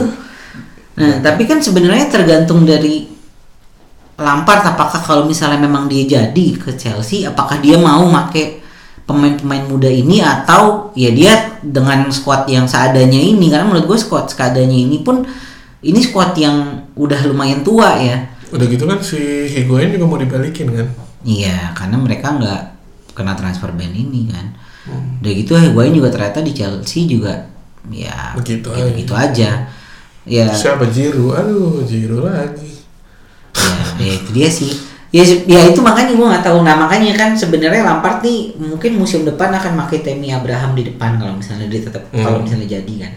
Nah, makanya juga itu tuh berbakat ya Temi Abraham. menurut gue itu sebenarnya nah ini nih kayak menurut gue Chelsea sama MU itu harusnya memang di musim ini ya mereka fokus untuk ngebangun ulang squad sih kayak ya kayak tadi lu bilang bahwa si Solskjaer ini miskin taktik tapi menurut gue dia tuh bisa bisa untuk ngebangun ulang squad gitu loh Hmm. karena dia karena dia punya filosofi yang ditanamin sama Alex Ferguson dulu kan bahwa dia pakai pemain akademi percaya sama pemain muda percaya sama pemain yang bahkan waktu sebelum dibeli MU lu nggak tahu dia siapa gitu Iya. loh. Kayak Nemanja Vidic tuh gua kan juga nggak tahu dia siapa.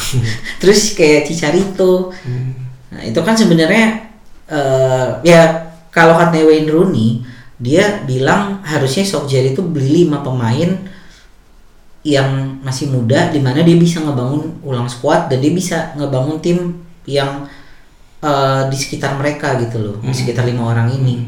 Nah makanya sebenarnya menurut gua harusnya fokusnya ke sana sama beli Iya satu sih, pemain bener senior sih. lah. Bener sih, lima Untuk orang yang bank. dia bangun di situ. Jadi nggak cuma satu doang kan? Iya, karena menurut gua PR MU itu terlalu banyak. Dan sebenarnya menurut gua harusnya di musim ini MU itu udah harus punya football director sih. Karena biar dia yang ngurusin transfer udah lah si Woodward ngurusin sponsor aja gitu loh karena Siapa Iya. ya kira-kira yang cocok ya? gua sih sebenarnya nah di sebenarnya di jajaran pelatihnya MU di Scott sih sebenarnya ya. Dia tuh punya Sa- Sandro Orlandelli dia tuh dulu di Sao Paulo di Santos ya. Itu football director juga. Dan lumayan banyak ngorbitin pemain muda. Nah menurut gua kalau memang cuman dia orang Brazil sih sayangnya kan. Mungkin eh, secara secara perekrutan dia akan lebih ke sana gitu. Tapi kalau misalnya pun mau ngambil eh, dari bekas pemain menurut gue Berba oke sih. Coba? Berbatov oke sih. Berbatov ya? Berbatov tuh punya gelar juga di ilmu olahraga juga. Jadi seharusnya dia ya harusnya dia bisa lah gitu. Loh Berbatov oke. Atau ya ya kayak menurut gue tuh sebenarnya kalau emang mau ya ngambil aja apa dari legend aja gitu. Karena kan sebenarnya menurut gue legend MU musim kemarin banyak banget komplain nih Hmm. tentang squad nih ya udahlah suruh masuk aja gitu. Biar, biar mereka ngerasain masalah dalam Dan internal di antara itu. semua yang komplain yang gue paling kesel Paul Ince tau lo? Ah, iya iya. Itu Paul Ince tuh kayak apa nggak nggak membangun banget kritiknya. Dan dia dia siapa sih? pemain Inter kan pemain klub. Iya Liverpool juga pemain Liverpool. Si Paul Ince. Maksud gue lu ngomong-ngomong kayak gitu lu bahkan nggak ada prestasi. Gini Solskjaer dia di waktu ngelatih Swansea pertama kali berantakan tapi kan Cardiff. eh Cardiff ya kok Swansea Cardiff tapi kan lu bisa maklumin dia masuk juga apa namanya ya ngelatihnya Cardiff juga gitu kan tapi waktu dia balik ke apa ke Mulai. Norway Iya. juara ya si Paul Ince ngelatih Blackpool ngelatih apa tim-tim semenjana yang oh, dia nggak- dia bahkan nggak bisa ngebuktiin apa-apa gitu Iya. untung ya Solskjaer ya kan maksudnya slow gitu kan ya Tuh kalau Mourinho mungkin berantem mulu. ya. nah ini yang menarik nih sebenarnya. Ini bukan tim gede sih, tapi ini beritanya menarik banget. Newcastle kan Newcastle United tuh kan bakal Iya, serius. dibeli sama eh, salah satu Taipan Arab katanya kan. yang Mourinho ya Nah, nah itu katanya mau akan jadi akan diganti sama Mourinho. gue sih kalau bener nih ya gue jadi fansnya Newcastle nih Tapi temen gue yang fans Newcastle tuh rada rada rada gimana ya rada reluctant sama Mourinho juga sih. Karena menurut dia Benitez tuh udah oke okay banget. Ya iya sih. Dan menurut gue kayak dari gue sih melihat Benitez tuh di paruh musim kedua kemarin taktiknya dia lumayan oke okay sih. Tapi di apa sebelum yang di paruh musim pertama kan berantakan kan? Berantakan. Tapi nah itu dia ya akhirnya ngubah taktik jadi mainnya lebih oke kayak si dan dia punya beberapa pemain yang sebenarnya menurut gua nggak eh, aura kebintangannya nggak terlalu berasa tapi oke kayak misalnya Penting si ya. Isaac eh, si Isaac Hayden terus Sean Longstaff sebelum dia cedera si Andre Deadlin itu sebenarnya menurut gua kayak bener-bener mereka oke banget waktu di paruh musim kedua gitu. makanya dia bisa eh, ngerangkak naik itu di paruh musim kedua nah sebenarnya ya ya gue juga mikirnya gini sih nu kalau misalnya Newcastle dibeli sama Taipanara terus lu beli Mourinho Newcastle tuh tim kayak ya gitu doang gitu loh Tapi bisa kayak ini tau City versi 2.0. oke tapi maksud gue tetap aja di Newcastle gitu ya kan waktu City City kan juga butuh waktu juga kan sampai dia harus beli Nasri. Iya. Gara-gara gak ada pemain bintang yang mau. Iya. Nasri dibeli tuh gaji gede kan. Ya Nasri ya, tapi pas sekarang udah berapa tahun tuh 2007 masih Marquis ya pelatihnya. Yes, eh, karena menurut gue kayak terakhir Newcastle itu kompetitif banget tuh waktu zamannya Kevin Keegan yang Set lama banget. waktu pas dia sempat di posisi pertama dan beda 12 poin sama MU itu. Itu tahun 98 kan? Iya. Eh, Enggak. 97 ya? Iya. Lupa gue sih. 2000 eh 97 bukan 2001. Hah, 2001 emang? Kayaknya kalau nggak salah itu udah udah nggak terlalu lama-lama banget kok. Lah, 2001 kan Kevin Keegan masih ngelatih Inggris. Eh iya, ya berarti 97 ya bener ya. Iya. Nanti 96 sih. Ya pokoknya itulah. Pokoknya kan kalau yang 97 98 kan Arsenal yang juara kan. Hmm. MU kesalip di situ. Oh 2001 tuh yang pas yang eh, Wenger itu yang iya. beda kasus Ya, dia kayak- Wenger kayaknya di kayaknya. 9 97 itu. Terus dia beda poinnya banyak, kesalipnya sama Arsenal kan Arsenal yang jadi juara sih. Nah, Gue iya, ya kalau nggak jadi salah. juara. 97 98. MU itu waktu itu yang jadi juara. Itu yang gara-gara dia nge- ngecengin Ferguson yang akhirnya Kevin Keegan? Ah, Oh berarti sebelum 97 itu berarti 96 kayaknya ya. 96 97 mungkin. lupa gue ya pokoknya itulah maksud gue terakhir itu yang setahu gue yang mereka kompetitif itu kan itu ya setelah itu kan gitu-gitu aja gitu kan nah makanya menurut gue kayak ya ya memang jadi menarik sih akan ada kekuatan baru kan tapi ya kita mesti lihat juga sih ke depannya gimana kalau dari Itali juga yang menarik nih sebenarnya Inter udah dapat Conte kan Nah itu. ini klub kesukaan lu nih. Nah sekarang gua menyerahkan bolanya ke lu nih. Kira-kira Oh. nih kalau menurut lu, Conte ini sebenarnya kan di hire itu kan untuk narik pemain kan sebenarnya. Salah satunya untuk narik pemain juga selain untuk bikin Inter jadi lebih kompetitif juga kan. Nah sebenarnya menurut lo dengan rumor-rumor yang ada nih katanya mau beli Lukaku, katanya mau beli si siapa? eh siapa tuh namanya? Gue lupa yang kemarin sempet ada omongan juga. Ah, lupa. Gue lebih banyak denger pemain yang mau dijual sebenarnya. Kayak Icardi gitu. Icardi, Perisic, Nainggolan. Nenggolan tuh sebenarnya kayak Coutinho 2.0 ya.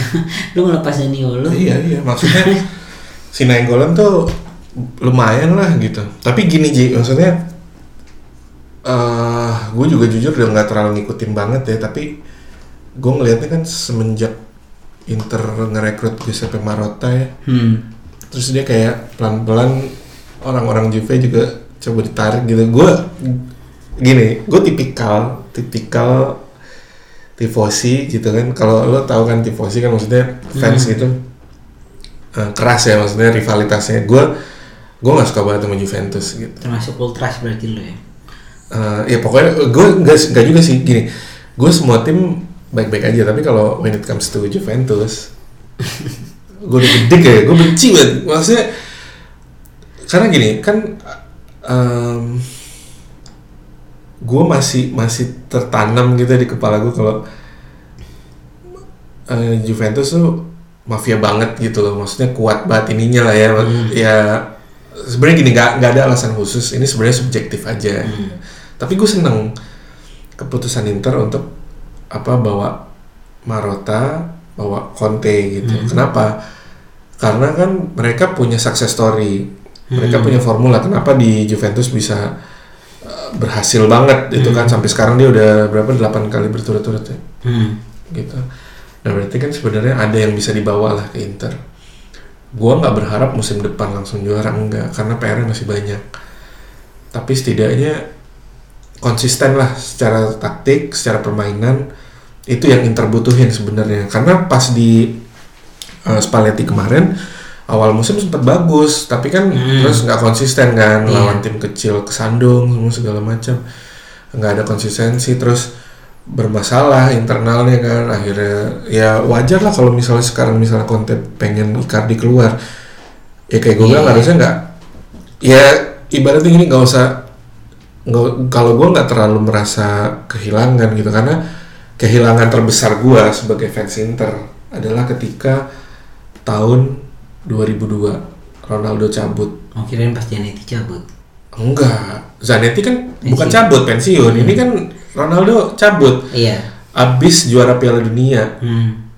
dan dia punya ibaratnya cedera-cedera gitu. Tiba-tiba abis juara dunia mainnya bagus dia bukannya di Inter jadi pemain utama malah dia cabut gitu kan. Nah, maksudnya iya. maksudnya pemain sebesar Ronaldo aja pernah cabut dan Inter bisa survive gitu. Apalagi kalau modelan kayak Icardi. Icardi oke hebat. Tapi nggak nggak nggak sebegitunya juga sih menurut gua nggak apa-apa juga Dan menurut gua kan sebenarnya lu juga punya Lautaro Martinez kan. ya itu juga tuh Pinamonti juga di Pinamonti, ya, itu. juga oke kan. Gila Pinamonti kalau di FM tuh bagus banget sih. Iya. Gila itu. Itu FM barometer banget itu. Ah, tapi bener loh kayak misalnya eh, contohnya nih kayak kayak di FM itu kan beberapa pemain Leeds tuh kayak oke banget gitu kan. Hmm. Nah itu tuh kayak jadi barometer orang-orang kayak oh berarti Leeds bagus ya. Dan akhirnya Sama banyak ini tau gak lo yang yang Jack Grealish. FM 19 ya yang paling menurut gua klub yang paling impresif ya. Hmm. Itu Bayer Leverkusen Ji. Oh iya. Dia ada si si Julian Leon Brand, siapa? Leon Bailey. Leon Bailey, Julian Julian Brand. Brand, Kai Havertz. Hmm. Itu tiga orang itu tiga-tiganya tuh signifikan loh. Iya. si Leon Bailey itu di FM 19 itu pasti di musim keduanya udah pindah dan harganya tuh udah mahal gajinya gede banget Iya benar. pemain yang pertama kali gue beli di FM 19 itu yang harus gue beli setiap gue main itu kayak Havertz Oke. lima musim itu pasti gila-gilaan Ji itu ratingnya wah gila terus pas gue lihat aslinya ya, emang jago Oh, banget dia masih muda tahun. banget 19 tahun kan. 19 tahun, Ji. Lu salah satu pemain idola yang mau lo pindah ke Inter ya. Iya, gue gue anjing. Gue main FM 19 pakai Inter, gue coba beli gitu kan. Gue pakai 433 tuh. Dia main di center midfield. Bagus banget. Tapi memang kalau lu lihat kalau lihat pergerakannya si Leverkusen di bursa transfer sekarang jadi udah beli beberapa pemain kan karena Julian Brand udah mau pindah kan Ke mana? ke Dortmund katanya. Nah, karena si Julian Brand itu punya release clause yang menurut gua masih kecil banget dan dia nggak pernah mau perbaruin kontraknya karena dia mau pindah. Jadi dia nggak mau ngubah release clause-nya ini. Cuman nggak 26, juta euro euro kalau nggak salah deh. 26,5 juta euro.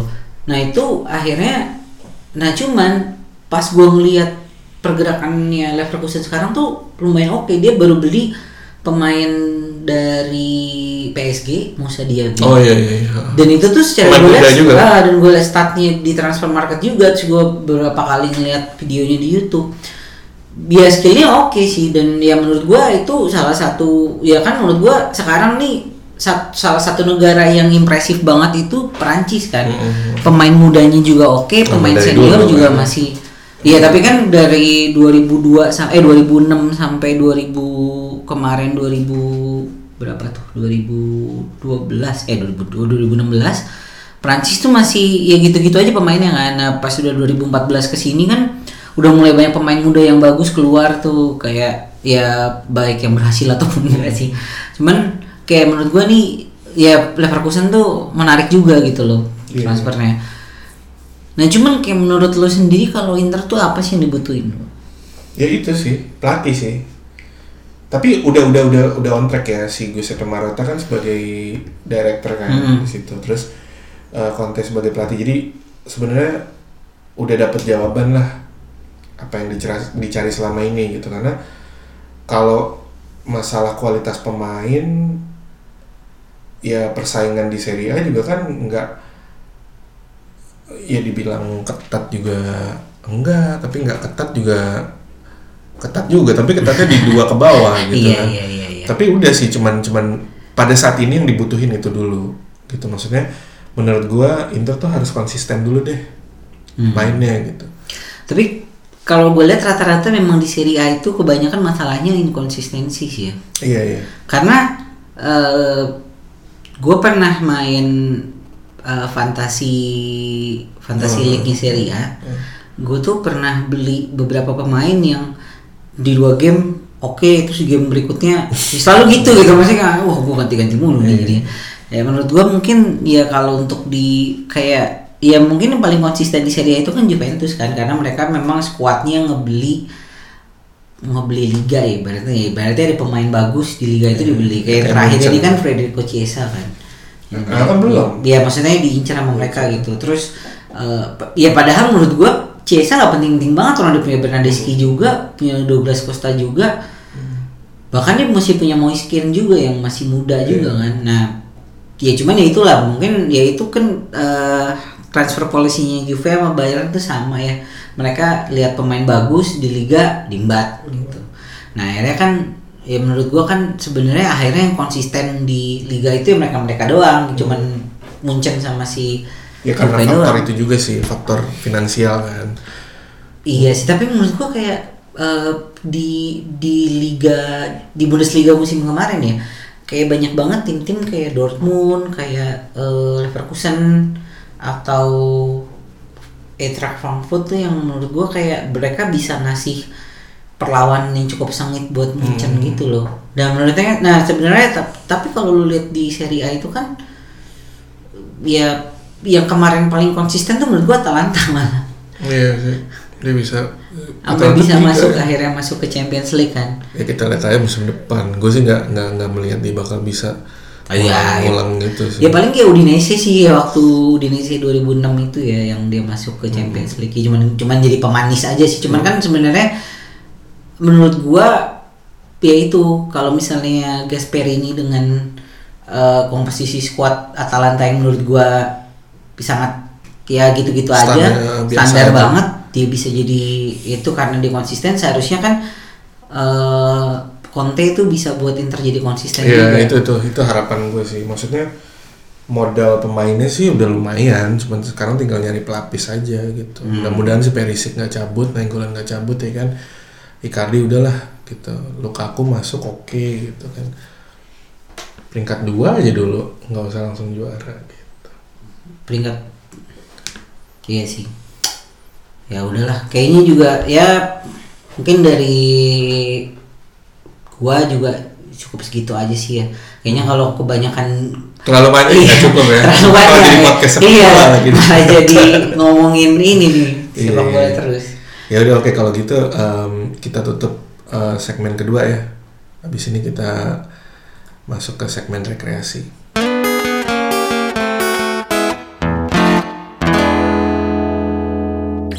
ya oke Ji sekarang kita udah masuk ke segmen ketiga terakhir ya rekreasi. Em, apa nih rekomendasi lu buat pendengar untuk di episode kali ini?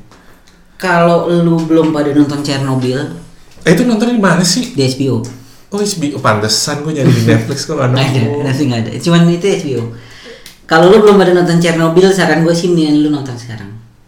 Karena menurut gue itu di IMDb itu kan dia tinggi banget kan 9,7 skornya. Iya, dan dia menurut gue itu sangat pantas sih karena itu emang oke banget. Dia gue mau ngebocorin ceritanya intinya ya pokoknya kalau menurut gue ceritanya itu bagus penceritaannya bagus dan ya menurut gue oke banget lah gitu. Dan itu kan cuman berapa sih? Kalau nggak salah cuman ada 6 series 5 apa 6 gitu ya. Itu kan mini series gitu kan cuman ada 5 apa 6 dan satu serinya itu satu jam. Dan menurut gua kalau lo untuk kayak di weekend lo nggak ke mana-mana mungkin ngabisin ya ngabisin 5 jam untuk nonton lumayan lah. Lu udah habis? belum gue masih gue baru nonton episode kedua sih. Karena gue baru baru menyadari ini bagus setelah temen gue di grup di salah satu uh, WhatsApp grup gue tuh pada ribut bahwa ini ini lebih keren daripada Game of Thrones nih ini lebih lebih oke deh pada Breaking Bad gitu kan. Akhirnya gue karena karena ribut jadi gue kayak apaan sih coba gue tonton. Oh ternyata memang bagus gitu. Dan bahkan eh, sebagai salah satu tolak ukur ini kan dibikin dari sudut sudut pandangnya USA kan? Hmm.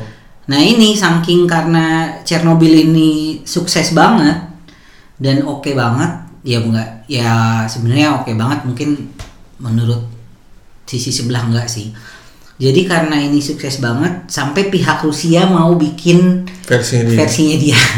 Jadi mungkin untuk mengklarifikasi kan karena ya ini kan sudut pandang Amerika rada Iya. gini lah. Nah mungkin dia mau mengklarifikasi dari sudut pandang Rusia. Cuman ya kita lihat lah nanti. gue sih nggak yakin bakal sebagus yang ini. Iya, Kalau dari iya. lo? Kalau dari gue, gue gak ada yang spesial lah. Maksudnya, gue cuma mau ngerekomendasiin sesuai sama tema di segmen pertama tadi ya, ngomongin X-Men ini kan udah udah penutup nih gitu.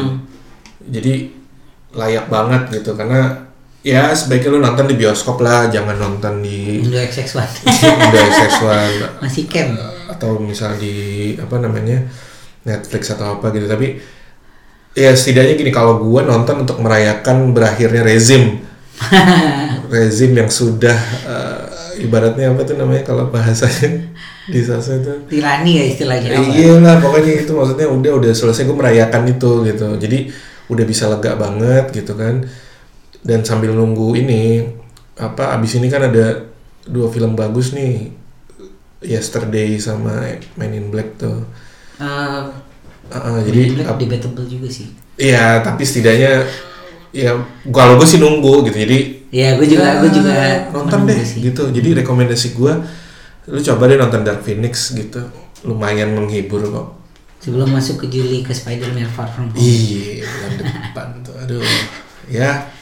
Pokoknya gitu ya untuk eh, episode 4 kali ini eh, kita tutup dengan segmen ketiga tadi. Eh, nanti kita ketemu lagi di episode kelima Januar out. Anji out.